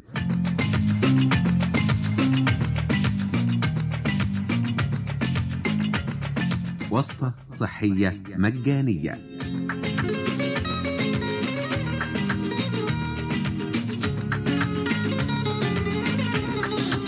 يعدها ويقدمها إيهاب جمال الدين. طابت أوقاتكم. المكسرات ثروة غذائية لا تتجاهلها. المكسرات مستودع هائل من العناصر الغذائية المفيدة فهي غنية بالبروتينات والأحماض الدهنية النافعة وتزخر بالألياف والفيتامينات والمعادن ومضادات الأكسدة ولا يحتوي 50 جرام منها على أكثر من 4 جرامات من الدهون المشبعة. ولقد ثبت تأثير المكسرات الحميد في تخفيض الكوليسترول وحماية القلب كما أنها تمنح الشعور بالشبع. لذلك فهي يمكن أن تساهم في برامج تخفيض الوزن على ألا تؤكل بكميات كبيرة فالمكسرات غنية بالسعرات الحرارية. لذلك لا ينصح بأن تتعدى حصة الإنسان منها أكثر من 50 جرام يوميا. وتختلف المكسرات فيما بينها من ناحية القوام والطعم ومحتوى العناصر الغذائية. فالفستق غني بمضادات الأكسدة مثل اللوتين والزياكزانثين المعروفين بقدرتهما على حماية العينين. وأيضا يزخر بالفولات الضرورية لنمو الدماغ وفيتامين إي والبوتاسيوم. اللوز يعد مصدرا ممتازا لفيتامين إي الذي يدعم صحة الجلد ولمعدن المغنيسيوم كما أنه غني بالكالسيوم والفولات وتحتوي قشرته على الفلافونيدات الواقية للقلب. الكاجو مستودع ممتاز لمعادن النحاس والمغنيسيوم والحديد والزنك. البندق يعتبر مستودعا ممتازا لفيتامين إي والفولات ولمعدني النحاس والمنجنيز كما أنه غني بالأحماض الدهنية غير المشبعة المفيدة جدا لصحة الإنسان. الجوز غني جدا بمضادات الأكسدة ومنها حمض alpha linolenic acid الذي يعتبر المعادل النباتي للحمض الدهني أوميجا 3 وقد ذاع صيته مؤخرا في الوقاية من أمراض القلب والأوعية عن طريق تخفيض الكوليسترول السيء ودعم الذاكرة والوقاية من الخرف. الصنوبر يعتبر مصدرا ممتازا لفيتامين إي ومعدن الفوسفور. الكستناء هي أقل المكسرات احتواء على السعرات الحرارية وهي غنية بالألياف وفيتامين سي وفيتامين بي وتؤكل طازجة أو مشوية. أما عن استهلاك المكسرات فيفضل أكل المكسرات طازجة أو مشوية قليلا. فالحرارة العالية تخرب بعض عناصرها الغذائية كما يفضل تجنب تناولها مقلية بالزيت حتى لا تحملنا الكثير من السعرات الحرارية. بالنسبة للذين يخافون من زيادة أوزانهم يفضل الاقتصاد في كميات المكسرات وانتخاب الأقل احتواء على السعرات الحرارية كاللوز والفستق والكستناء والتخفيف من أكل المكسرات المحلاة وبالنسبة للمصابين بارتفاع الضغط أو مرض القلب يجب تجنب تناول المكسرات المملحة أو المغلية مع الملح.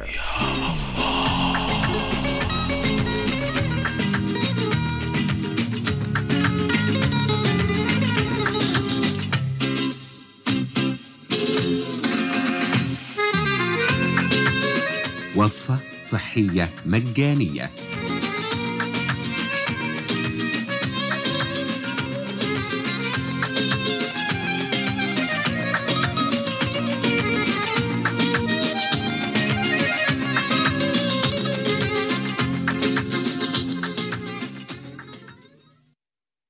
صوت العرب من القاهرة يقدم.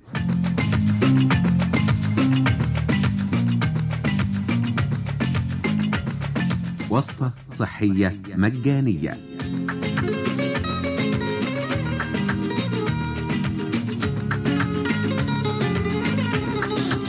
يعدها ويقدمها إيهاب جمال الدين. طابت أوقاتكم الجنطيان الصفراء.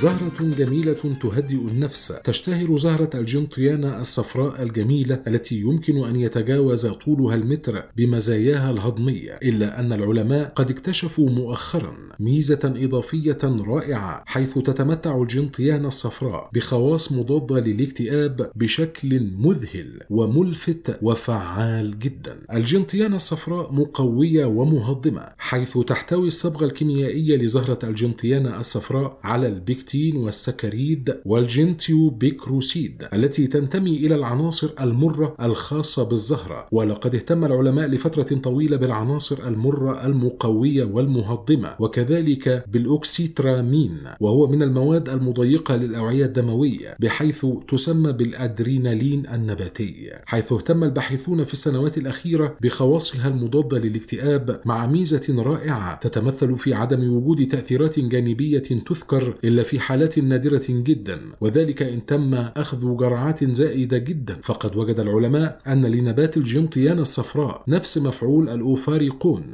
أو عشبة القديس يوحنا الرائعة الجنطيان الصفراء مضادة للاكتئاب بشكل فعال ومريح. فقد أصبحت الجنطيان الصفراء الجميلة توصف اليوم لخواصها الإضافية الهامة حيث ينصح باستعمالها لكافة حالات القلق والمزاج الاكتئابي وقلة الثقة بالنفس ومشاكل النوم كما يتم وصفها أيضا لحالات التعب العام وقصور الكبد ومشاكل الهضم أو الأمعاء. وقد وصفها بعض الأطباء لمكافحة داء النقرس والروماتيزم لما وجدوا لها من فوائد حقيقية في علاج مثل هذه الحالات. أما عن طريقة استعمال الجنطيان الصفراء فمن الأفضل شراء جذور جافة أو طازجة من هذه العشبة كما يمكن إيجادها على شكل كبسولات من الصيدليات. وطريقة تحضير مغلي الجنطيان الصفراء تكون كما يلي. يتم وضع 30 جراما من جذور الجنطيان الصفراء في لتر من الماء ويترك لينقع المغلي لمدة 12 ساعة. ويتم تناول فنجان من المغلي قبل وجبات الطعام مع بعض العسل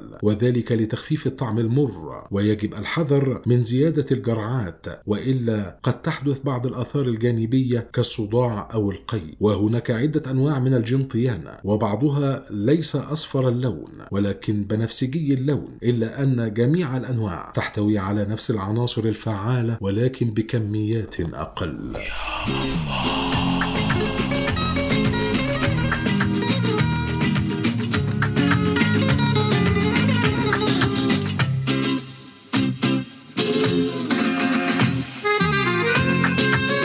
وصفة صحية مجانية.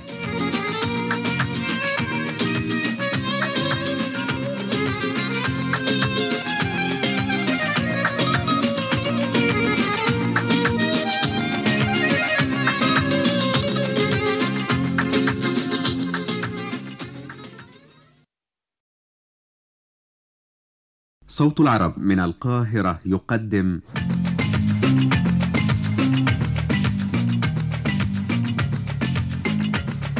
وصفة صحية مجانية.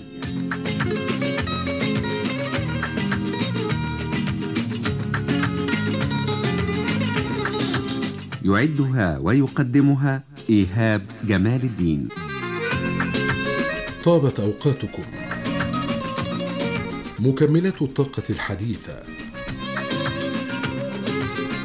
هدانا الله عز وجل كنوزا من الطبيعة ثمينة جدا وهي أعشاب علاجية ليست حديثة الاكتشاف وتعتبر من أهم مكملات الطاقة وقد تم تسليط الضوء عليها حديثا لعظيم فوائدها وآثارها على أجسامنا. ومن أهم أعشاب مكملات الطاقة ذات المفعول الخارق الغوتوكولا فهي واحدة من أهم الأعشاب المستعملة كأحد مكملات الطاقة المستعملة على نطاق واسع جدا لزيادة مستويات الطاقة الجسدية الجسدية والعقلية ولتحسين الذاكرة والتركيز وعلاج القلق. وتشتهر هذه النبتة بأنها تساعد في إطالة العمر. لذلك فهي تعرف أيضا باسم ينبوع الشباب. ويجب الانتباه إلى أن الجرعات الكبيرة من هذه النبتة قد تسبب صداع وتكون مهدئة بدلا من أن تكون منشطة. وينصح بتناول ما بين 60 إلى 120 ملي جرام في اليوم من خلاصة الغوتوكولا بتركيز 40 بالمئة أو 200 ملي جرام مرتين أو ثلاث مرات في اليوم من الخلاصة بتركيز 10 بالمئة. الغوارانة عشبة الغوارانة تأتي من البرازيل وهي تعرف محليا باسم طعام الآلهة وتحتوي بذور الغوارانة المجففة على مركب من المنبهات الطبيعية منها الغوارانين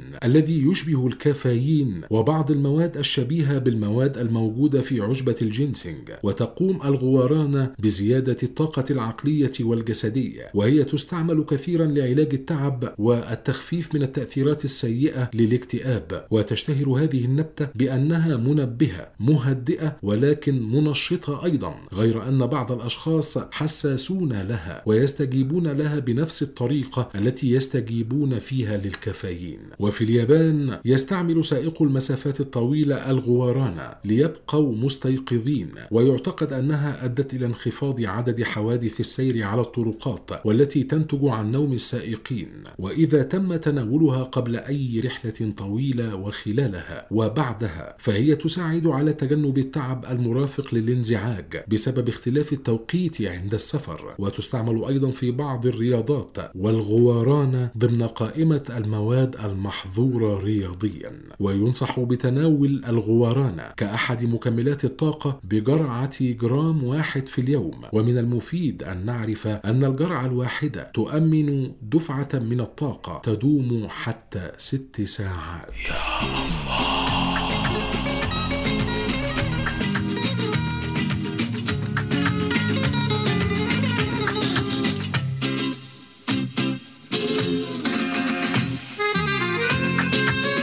وصفة صحية مجانية.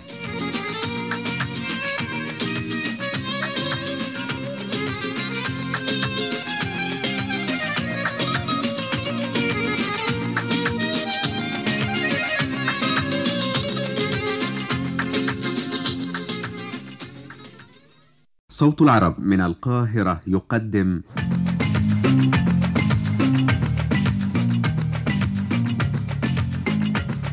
وصفة صحية مجانية.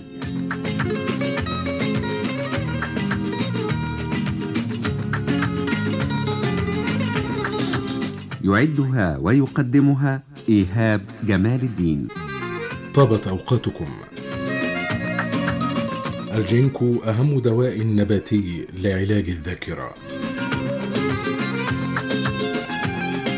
يعتبر الجينكو أحد أهم الأدوية النباتية الطبيعية لعلاج الأمراض التي تصيب الأعصاب والأوعية الدموية كبطء الدم في الوصول إلى المخ بسبب ضيق الأوعية الدموية مما ينتج عنه ما يسمى بضعف الذاكرة أو الخرف. ولقد صارت هذه العشبة توصف على نطاق واسع في كثير من بلدان العالم خاصة في ألمانيا وفرنسا لمعالجة التدهور في أداء العقل لوظائفه نتيجة للتقدم في العمر وكذلك الخرف والزهايمر بصفة عامة. وهو دواء نباتي بصلاحية استخدام وأمان تام وقد بات متوفرا على نطاق واسع بينما العقاقير الصيدلية الأخرى المعتمدة لعلاج ضعف الذاكرة ومرض ألزهايمر تترك العديد من الآثار الجانبية الخطيرة. ويمكن تحقيق المعجزات باستخدام الجينكو كدواء طبيعي لما له من أثر فعال في منع حدوث التدهور الذهني وإعاقة الشيخوخة بل إن هذا الدواء يمكنه أيضا أن يعيد الشباب وأن يقوي العقل بدرجة تمكنه من أداء وظائفه على الوجه الأكمل. والحقيقة المذهلة لهذا النبات كدواء نباتي هي الإثباتات الخاضعة للضوابط العلمية والخالية من جميع الأخطاء. أنه يستطيع حماية أهم أجزاء الجسم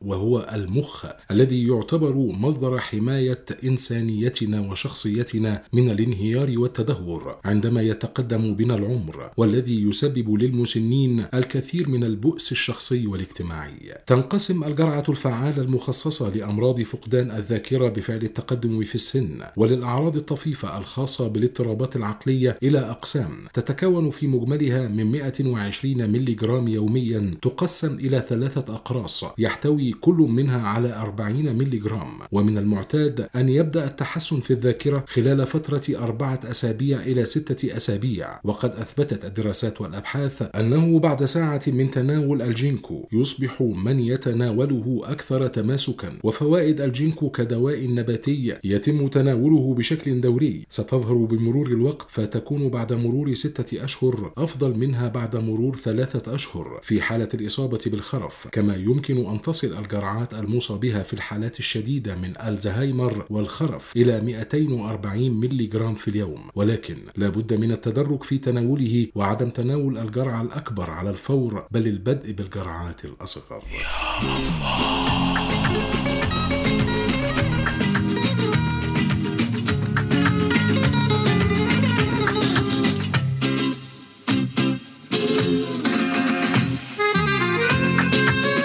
وصفة صحية مجانية.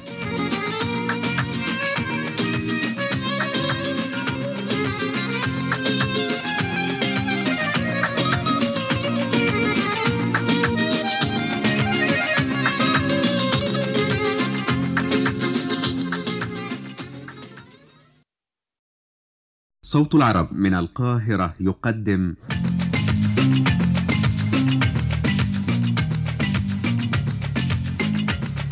وصفة صحية مجانية.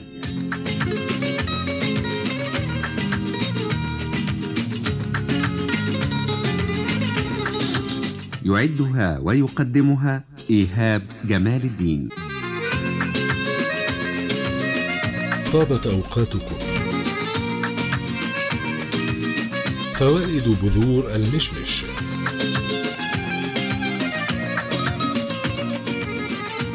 المشمش من الفواكه الطبيعية التي تتوفر في فصل الصيف وتحتوي بداخلها على بذرة لها العديد من الفوائد الصحية على جسم الإنسان حيث يتم طحن البذور جيدا وتضاف إلى الطعام أو يتم تناولها كالشاي. وبذور المشمش تعزز أيضا من صحة جمال المرأة ويتم استخدامها في تحضير الكثير من المنتجات التجميلية التي توضع على البشرة والشعر وذلك نظرا لاحتوائها على نسبة عالية من المواد والمركبات الكيميائية كذلك العديد من الفيتامينات والمعادن الرئيسية الهامة ومن أكثر الفوائد الصحية شيوعا لبذور المشمش هي أنها تستخدم لعلاج أمراض السرطان وتوجد مادة في هذه البذور بعد طحنها تستخدم في صناعة الأدوية الكيميائية ومعظم الأدوية التي تعالج مرضى السرطان وتقوم بمكافحته وتدميره وتوجد بعض المواد والمعادن أيضا في بذور المشمش تدخل في تحضير العلاجات الدوائية للقضاء على السرطان منها مادة الجلوكوزيدات. وهذه المادة تتكون من السيانيد السام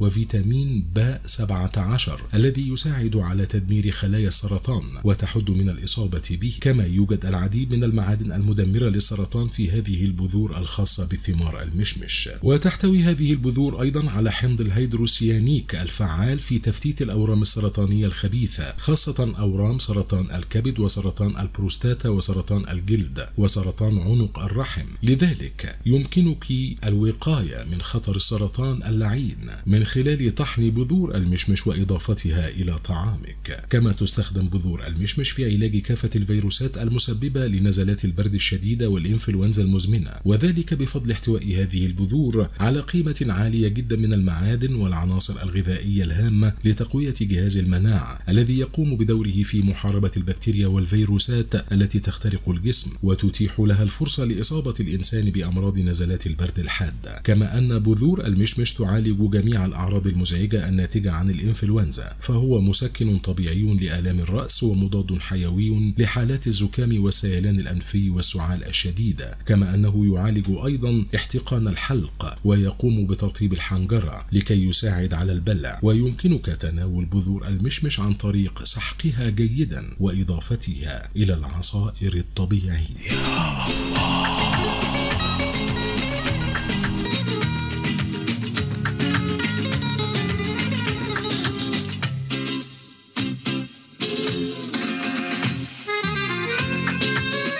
وصفة صحية مجانية.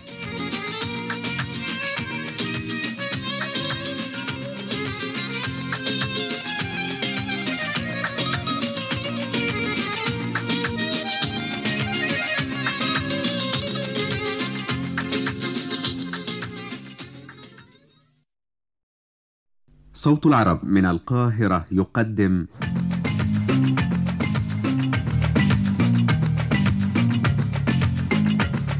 وصفة صحية مجانية.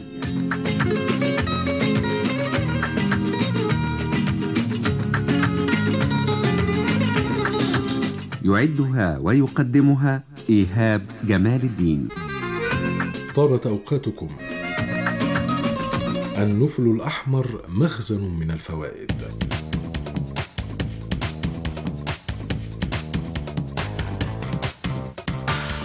النفل الأحمر غني جدا بالعناصر العلاجية الكثيرة. ومن الوجهة الطبية فإن النفل الأحمر منشط ومغذي ومنقي للدم وهو مصدر مدهش. لزيوت الطيارة والكربوهيدرات والأحماض الأمينية والفلافونيدات والمعادن والفيتامينات والصابونين كما أن وجود الكالسيوم والمغنيسيوم القابلين للامتصاص في النفل الأحمر وبشكل وفير جدا يجعل من هذا النبات مهدئا للجهاز العصبي والجهاز الهضمي مما يفسر دوره كمسكن ومضاد فعال للتشنج. وقد احتوت كتب الطب التي تعود للقرن التاسع عشر على استخدامات علاجية للنفل الأحمر تبين أنه كان أحد المكونات الشعبية التي كانت تستخدم على شكل لصقة وذلك بسبب احتواء النفل الأحمر على مادة السيليكون وغيرها من الأملاح مما يجعلها لصقة مثالية. وكانت هذه اللصقة تستعمل لعلاج التقرحات والدمامل والحروق وتستخدم اللصقة لعلاج الأمراض الجلدية في مرحلة الطفولة كالإكزيما والصدفية. كما أن لهذا النبات شهرة واسعة كعلاج جيد للأورام السرطانية بما فيها سرطان الحنجرة وسرطان المعدة ويستخدم بشكل واسع لعلاج الإكزيما وداء الصدفية. أما الشاي المحضر من النفل الأحمر فهو يساعد في التخلص من البلغم وقد كان يستخدم في علاج السعال الديكي كما أن الأملاح المعدنية الموجودة في النفل الأحمر تجعل الجسم قلويا مما يؤدي إلى إزالة الآثار السمية منه. ومن المعروف أن أزهار النفل الأحمر تزيد من الخصوبة وذلك بسبب غناها بالمعادن فهي تحتوي فعليا على كل أنواع المعادن اللازمة للغدد وهي تساعد على تجديد الوظائف الهرمونية في الجسم وتوازنها ويرجع تأثير النفل الأحمر على الخصوبة لاحتوائه على الأيزوفلافون بالإضافة إلى أنه يمكن لأزهار النفل الأحمر أن تحقق التوازن الحمضي القلوي في الرحم مما يجعله مهيئا للحمل. كما تشترك براعم النفل الأحمر التي تم تنبيتها في الخصائص العلاجية مع البقول الأخرى كالبازلاء والعدس والصويا إلا أنها أكثر فاعلية في تنقية الدم وزيادة الطاقة وتحسين حالة الأعصاب الواهنة. يا الله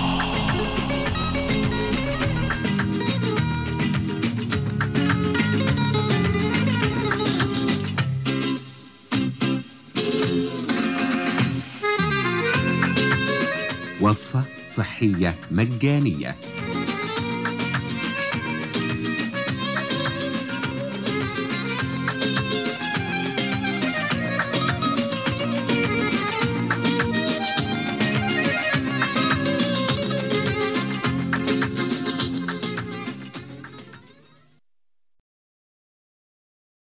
صوت العرب من القاهرة يقدم.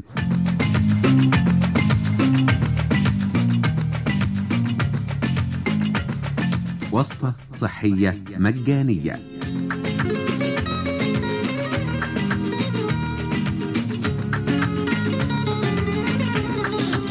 يعدها ويقدمها إيهاب جمال الدين. طابت أوقاتكم. فيتامين باء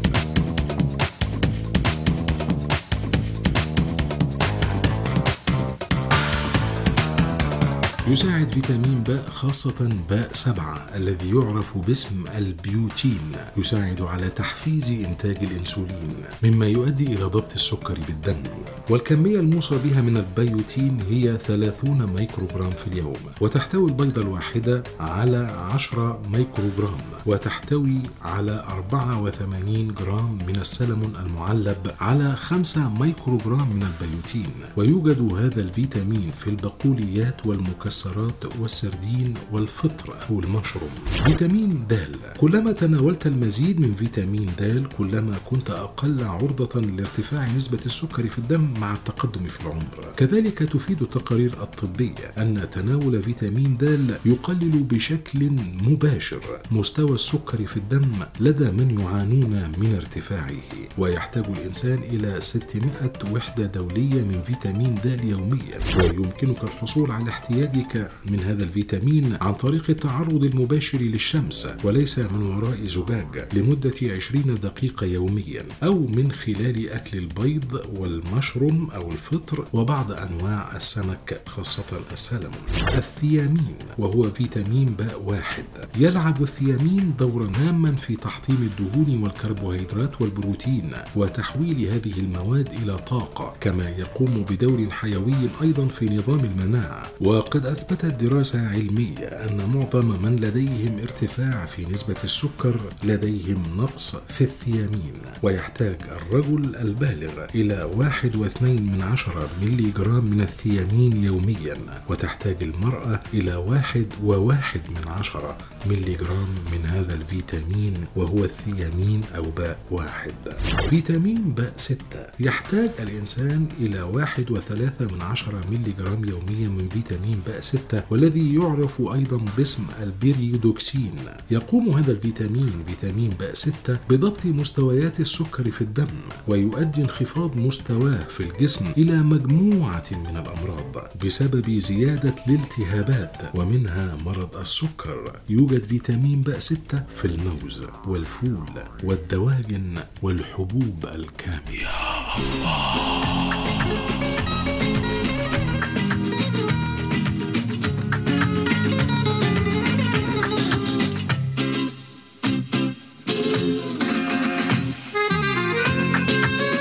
وصفة صحية مجانية.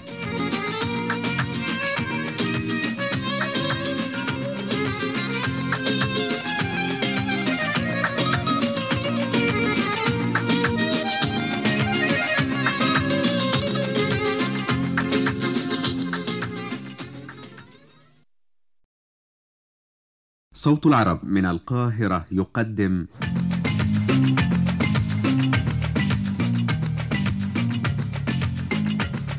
وصفة صحية مجانية.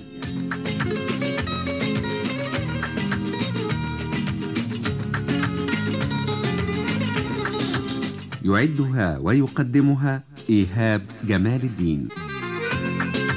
طابت أوقاتكم. عشبة القندول ضمان لشرايين واسعة. تنمو عشبة القندول على المنحدرات في الأراضي القاحلة والغابات المفتوحة وتوجد في جميع أنحاء أوروبا المعتدلة المناخ. الأجزاء الطبية المستخدمة من القندول هي جميع أجزاء النبتة، العروق المزهرة والأزهار، ولكن الأكثر استعمالا هي العروق المزهرة، ولا بد من الإشارة إلى أن النبتة لا بد من استخدامها تحت إشراف طبي.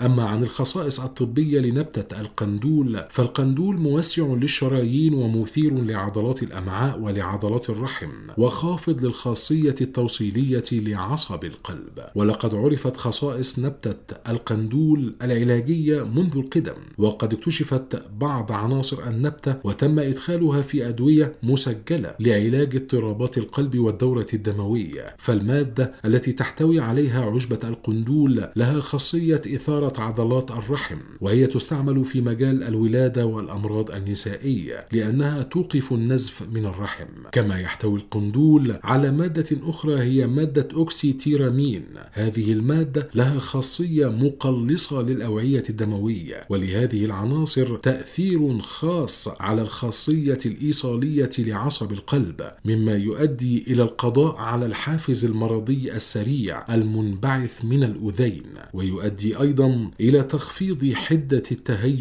في أعصاب القلب وتنظيم نبض القلب وتحسين تحسين الدورة الدموية الصغيرة والدورة الدموية الوريدية للقلب. ويحتوي القندول على ثلاث صبغات صفراء ذات تأثير مفيد على عمل عضلات القلب وعلى بداية انبعاث النبض. وعشبة القندول غير سامة حيث يمكن استعمالها لمدة طويلة دون أن تحدث أي آثار جانبية لأن فاعلية القندول تكمن في استعمالها لفترة طويلة. لكن يجب الحذر من تجاوز الجرعات الموصى بها ولعمل محلول أزهار القندول في البيت تضاف ملعقتان صغيرتان من أزهار عشبة القندول المجففة إلى مقدار فنجان ماء بدرجة الغليان. ويترك المزيد لفترة عشر دقائق. ويستعمل بمعدل ملعقة كبيرة من ثلاث إلى أربع مرات يوميا لبضعة أسابيع ودون أي مضاعفات.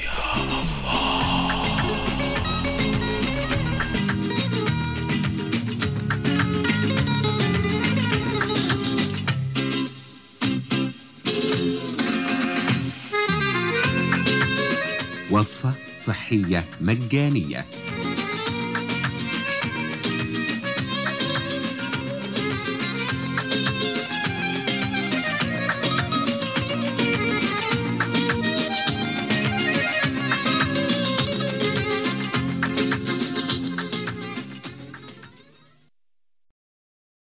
صوت العرب من القاهرة يقدم.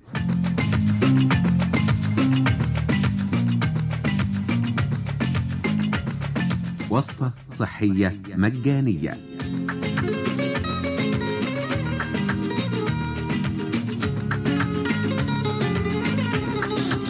يعدها ويقدمها إيهاب جمال الدين. طابت أوقاتكم. الفوائد الغذائية والصحية للتين الشوكي.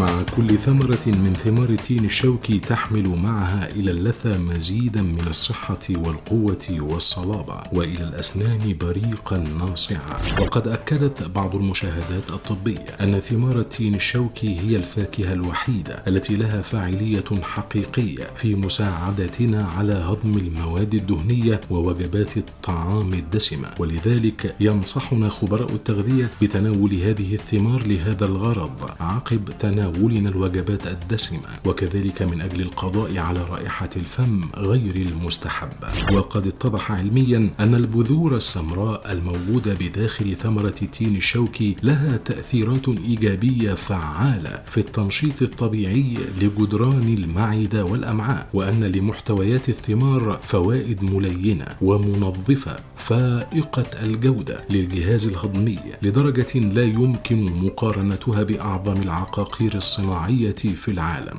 وبناء على ذلك فيعتبر تناول ثمار التين الشوكي أفضل طرق الوقاية والعلاج لحالات عسر الهضم والإمساك. وقد وجد بالتجربة العملية أنه عند الرغبة في تنظيف محتويات الجهاز الهضمي من الفضلات الضارة المتجمعة في الأمعاء يمكن تناول التين الشوكي صباحا على الريق. كما تبين من الدراسات الطبية الحديثة أن لتناول ثمار التين الشوكي تأثيرات إيجابية فعالة في مقاومة حالات التشنجات وعسر البول والدوزنتاريا والإسهال. ولقد نصح أطباء العرب القدامى مرضاهم من أصحاب السمنة المفرطة بالاقتصار في غذائهم على تناول ثمار التين الشوكي بغرض تنحيف أجسامهم. ويعتقد أنهم قد عرفوا أن المكونات الغذائية لثمار التين الشوكي تمد الجسم باحتياجاته الضرورية اليومية من الغذاء دون التعرض لأية أعراض جانبية بالإضافة إلى إحساس الفرد بامتلاء المعدة والشعور بالشبع وبذلك يضطر إلى استهلاك المخزون من الشحوم في جسمه وبالتالي ينخفض وزنه.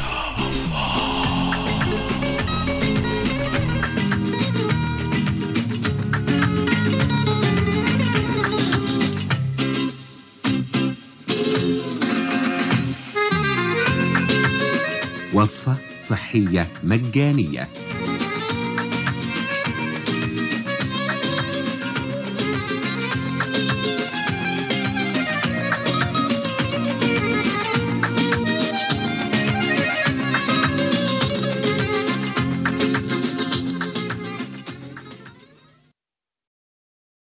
صوت العرب من القاهرة يقدم.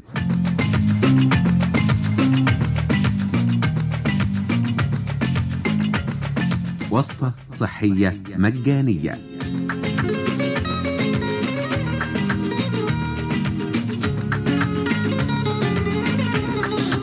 يعدها ويقدمها إيهاب جمال الدين. طابت أوقاتكم عشبة الأخدرية.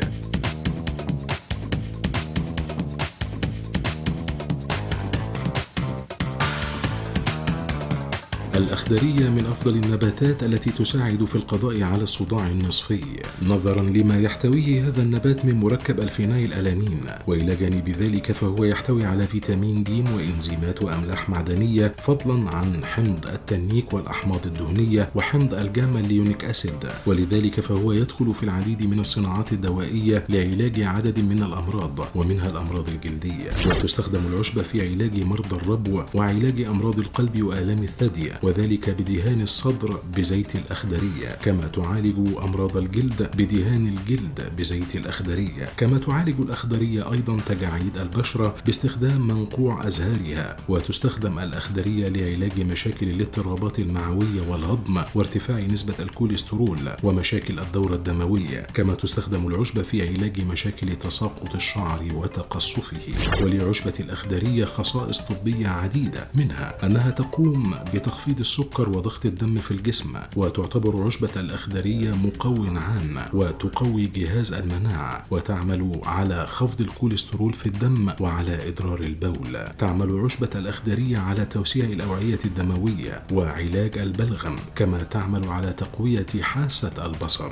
تعمل عشبة الأخدرية على تقوية فروة الرأس باستخدام زيت عشبة الأخدرية كما تساعد العشبة على تنشيط الخصوبة لدى المرأة. تعمل الأخدرية على الوقاية من تصلب الشرايين وتجلط الدم وتساعد على تحسين النشاط الحركي لدى الأطفال وتمنع من حدوث الإصابة الجلدية كالصدفية والدمامل والإكزيما وتعمل على علاج الحكة الجلدية. أما عن طرق تحضير عشبة الأخدرية فيمكن الحصول على مستحلب لعشبة الأخدرية يحتوي على كل العناصر المفيدة وذلك بنقع مطحون نبات عشبة الأخدرية بمقدار ملعقة صغيرة. نأخذ الملعقة وننقعها في كوب من الماء المغلي ونتركها لمدة ربع ساعة ويشرب من هذا المشروب كل ساعتين ملعقة كبيرة. ولكن يمنع الأطفال والحوامل من استخدام الأخدرية.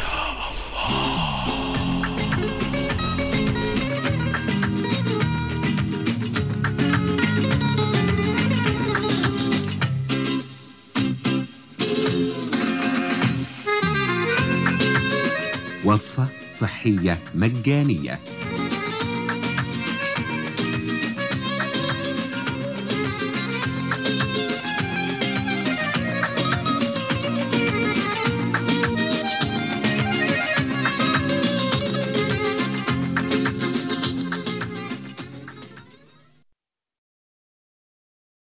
صوت العرب من القاهرة يقدم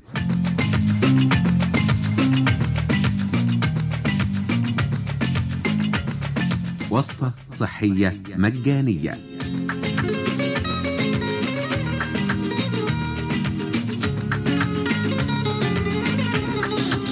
يعدها ويقدمها إيهاب جمال الدين.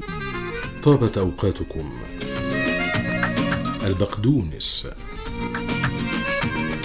يعتبر البقدونس منجما لواحدة من أقوى مضادات الأكسدة وهي مادة الأبيجينين التي تعد مضادا للحساسية والالتهابات والتقلصات بالإضافة إلى دوره في وقاية الجسم من الإصابة بالأورام السرطانية المختلفة. والبقدونس صديق للجهاز الهضمي ويمكن اعتباره صيدلية جسم الإنسان حيث إنه يحتوي على مادة مسكنة لآلام اللثة والأسنان ومطهرة للفم ويساعد على تكوين الكولاجين الذي يعد مادة تجميل طبيعية تحافظ على نضارة البشرة والشعر والعيون. ويمكن تناول البقدونس بأي كمية لا سيما وأنه لا يحتوي على دهون أو كوليسترول وتناوله مع اللحوم له أهمية خاصة حيث يعادل حموضتها ويحث على إفراز العصارات الهاضمة لها خاصة العصارة الصفراوية مما يساعد في هضم الدهون التي تحتويها اللحوم. وللبقدونس العديد من الفوائد منها تقليل الغازات والتقلصات المعدية والمعوية الناتجة عن سوء الهضم والوجبات الدسمة وهو مفيد كمدر للبن ومسكن لآلام الدورة الشهرية ويخفض نسبة الدهون في الدم. ويعادل ضغط الدم ويقلل حامض اليوريك الذي يسبب ارتفاع معدله لدى الإنسان مرض النقرس. وتؤكد الدراسات الجديدة أن البقدونس يحتوي على كميات كبيرة من الكالسيوم إضافة إلى حمض الفوليك المفيد للقلب والأوعية الدموية ويمنع تشوهات الأطفال. لذا تنصح الحوامل بأكل البقدونس طازجا أو مضافا إلى السلطات. وقد أظهرت التحاليل الغذائية أن هذه الأوراق الخضراء تحتوي على مستويات عالية من فيتامين ألف وفيتامين سي. لذلك فهي تلعب دورا هاما في تقوية البصر والوقاية من مرض العشى الليلي. يا الله.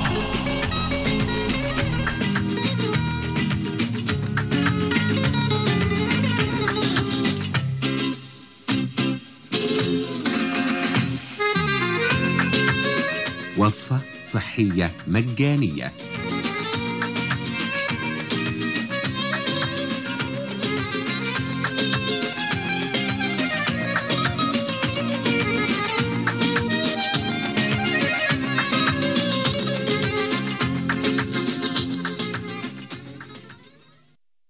صوت العرب من القاهرة يقدم.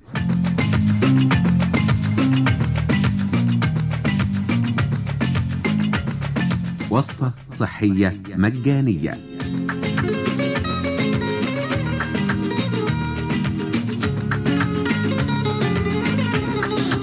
يعدها ويقدمها إيهاب جمال الدين.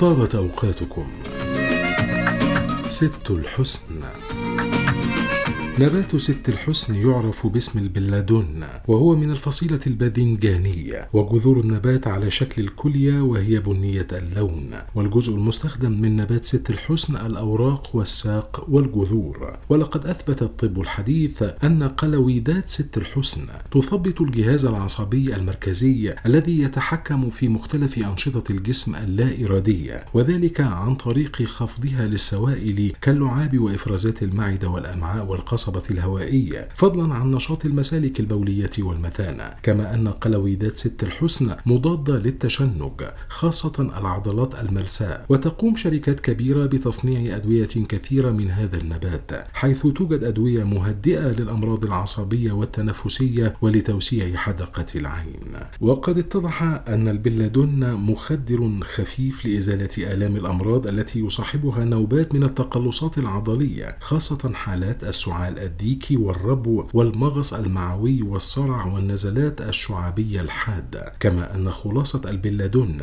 تساعد على تخفيض آلام القلب وكذلك علاج مشاكل الكبد والمرارة وإيقاف إضرار اللبن لدى المرضعات كما أنها توقف الكثير من إفرازات السوائل في الجسم كاللعاب والعصارات الهضمية والعرق إلا أنها بالرغم من ذلك لا تؤثر في عملية إفراز البول وتستعمل البلادون خارجيا لعلاج النقرس والتقرحات وتوجد لصقات تحتوي على مركبات البلادون تستعمل ضد الربو الشعبي وأعضاء الجهاز التنفسي والجلد والمفاصل والقناة الهضمية. نبات ست الحسن إذا أخذ بجرعات عالية فإنه يحدث تغيرات غير محببة كجفاف الفم وارتفاع درجة الحرارة ولذلك يجب ألا يستخدم عشب البلادون إلا تحت إشراف الطبيب المختص. يا الله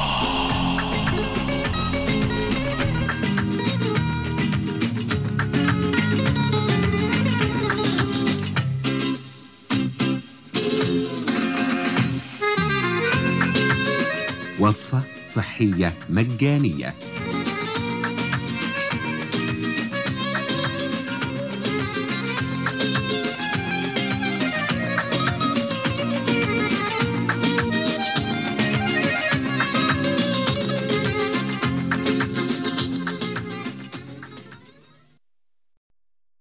صوت العرب من القاهرة يقدم.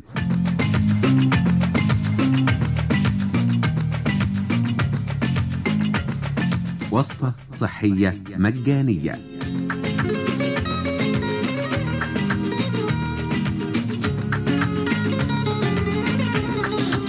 يعدها ويقدمها إيهاب جمال الدين.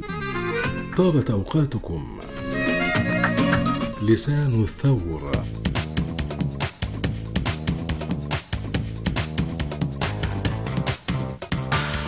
لسان الثور نبات عشبي حولي يعرف أيضا باسم الحمحم والجزء المستخدم منه جميع أجزاء النبات ويحتوي النبات على زيت طيار ومواد لعابية ومواد عفصية وصابونية وفيتامينات وأحماض عضوية. وقد أثبتت الأبحاث أن زيت لسان الثور يفيد علاج التهابات الجلد ويمكن استخدام زيت لسان الثور الموجود على هيئة كبسولات ويباع في محلات الأغذية التكميلية أو استعمال أوراق النبات طازجة مع السلطة ويستخدم المنقوع لالتهابات الجهاز البولي والتهابات المفاصل والتهابات القلب المصحوبة بالتورم.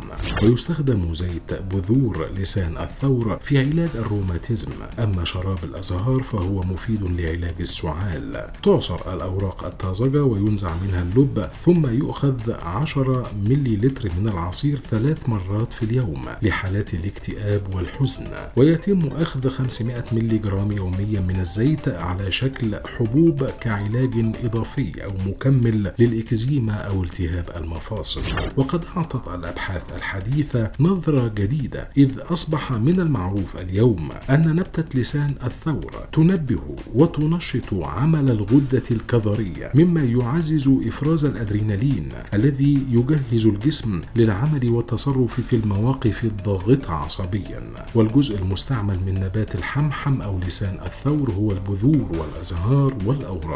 وتستعمل هذه الأجزاء لتنشيط الغدة الكظرية ولإدرار الحليب والبول ولطرد الحمى وتساعد على التعرق وكمادة مقشعة كما يحارب هذا النبات الضغط والشعور بالإجهاد. ولقد أثبتت الأبحاث أن زيت لسان الثور له تأثير على علاج حالات الالتهابات الجلدية ومن ضمنها الإكزيما. ويوجد الزيت في كبسولات تباع في الصيدليات يستخدم لسان الثور كشراب لإراحة القلب وتستخدم بذور لسان الثور كمادة مدرة للبول والعرق ومطرية للجلد ومقاومة للالتهابات والتقرحات الجلدية. ولكن يجب ملاحظة عدم استخدام زيت بذور لسان الثور داخليا على الإطلاق نظرا لسميتها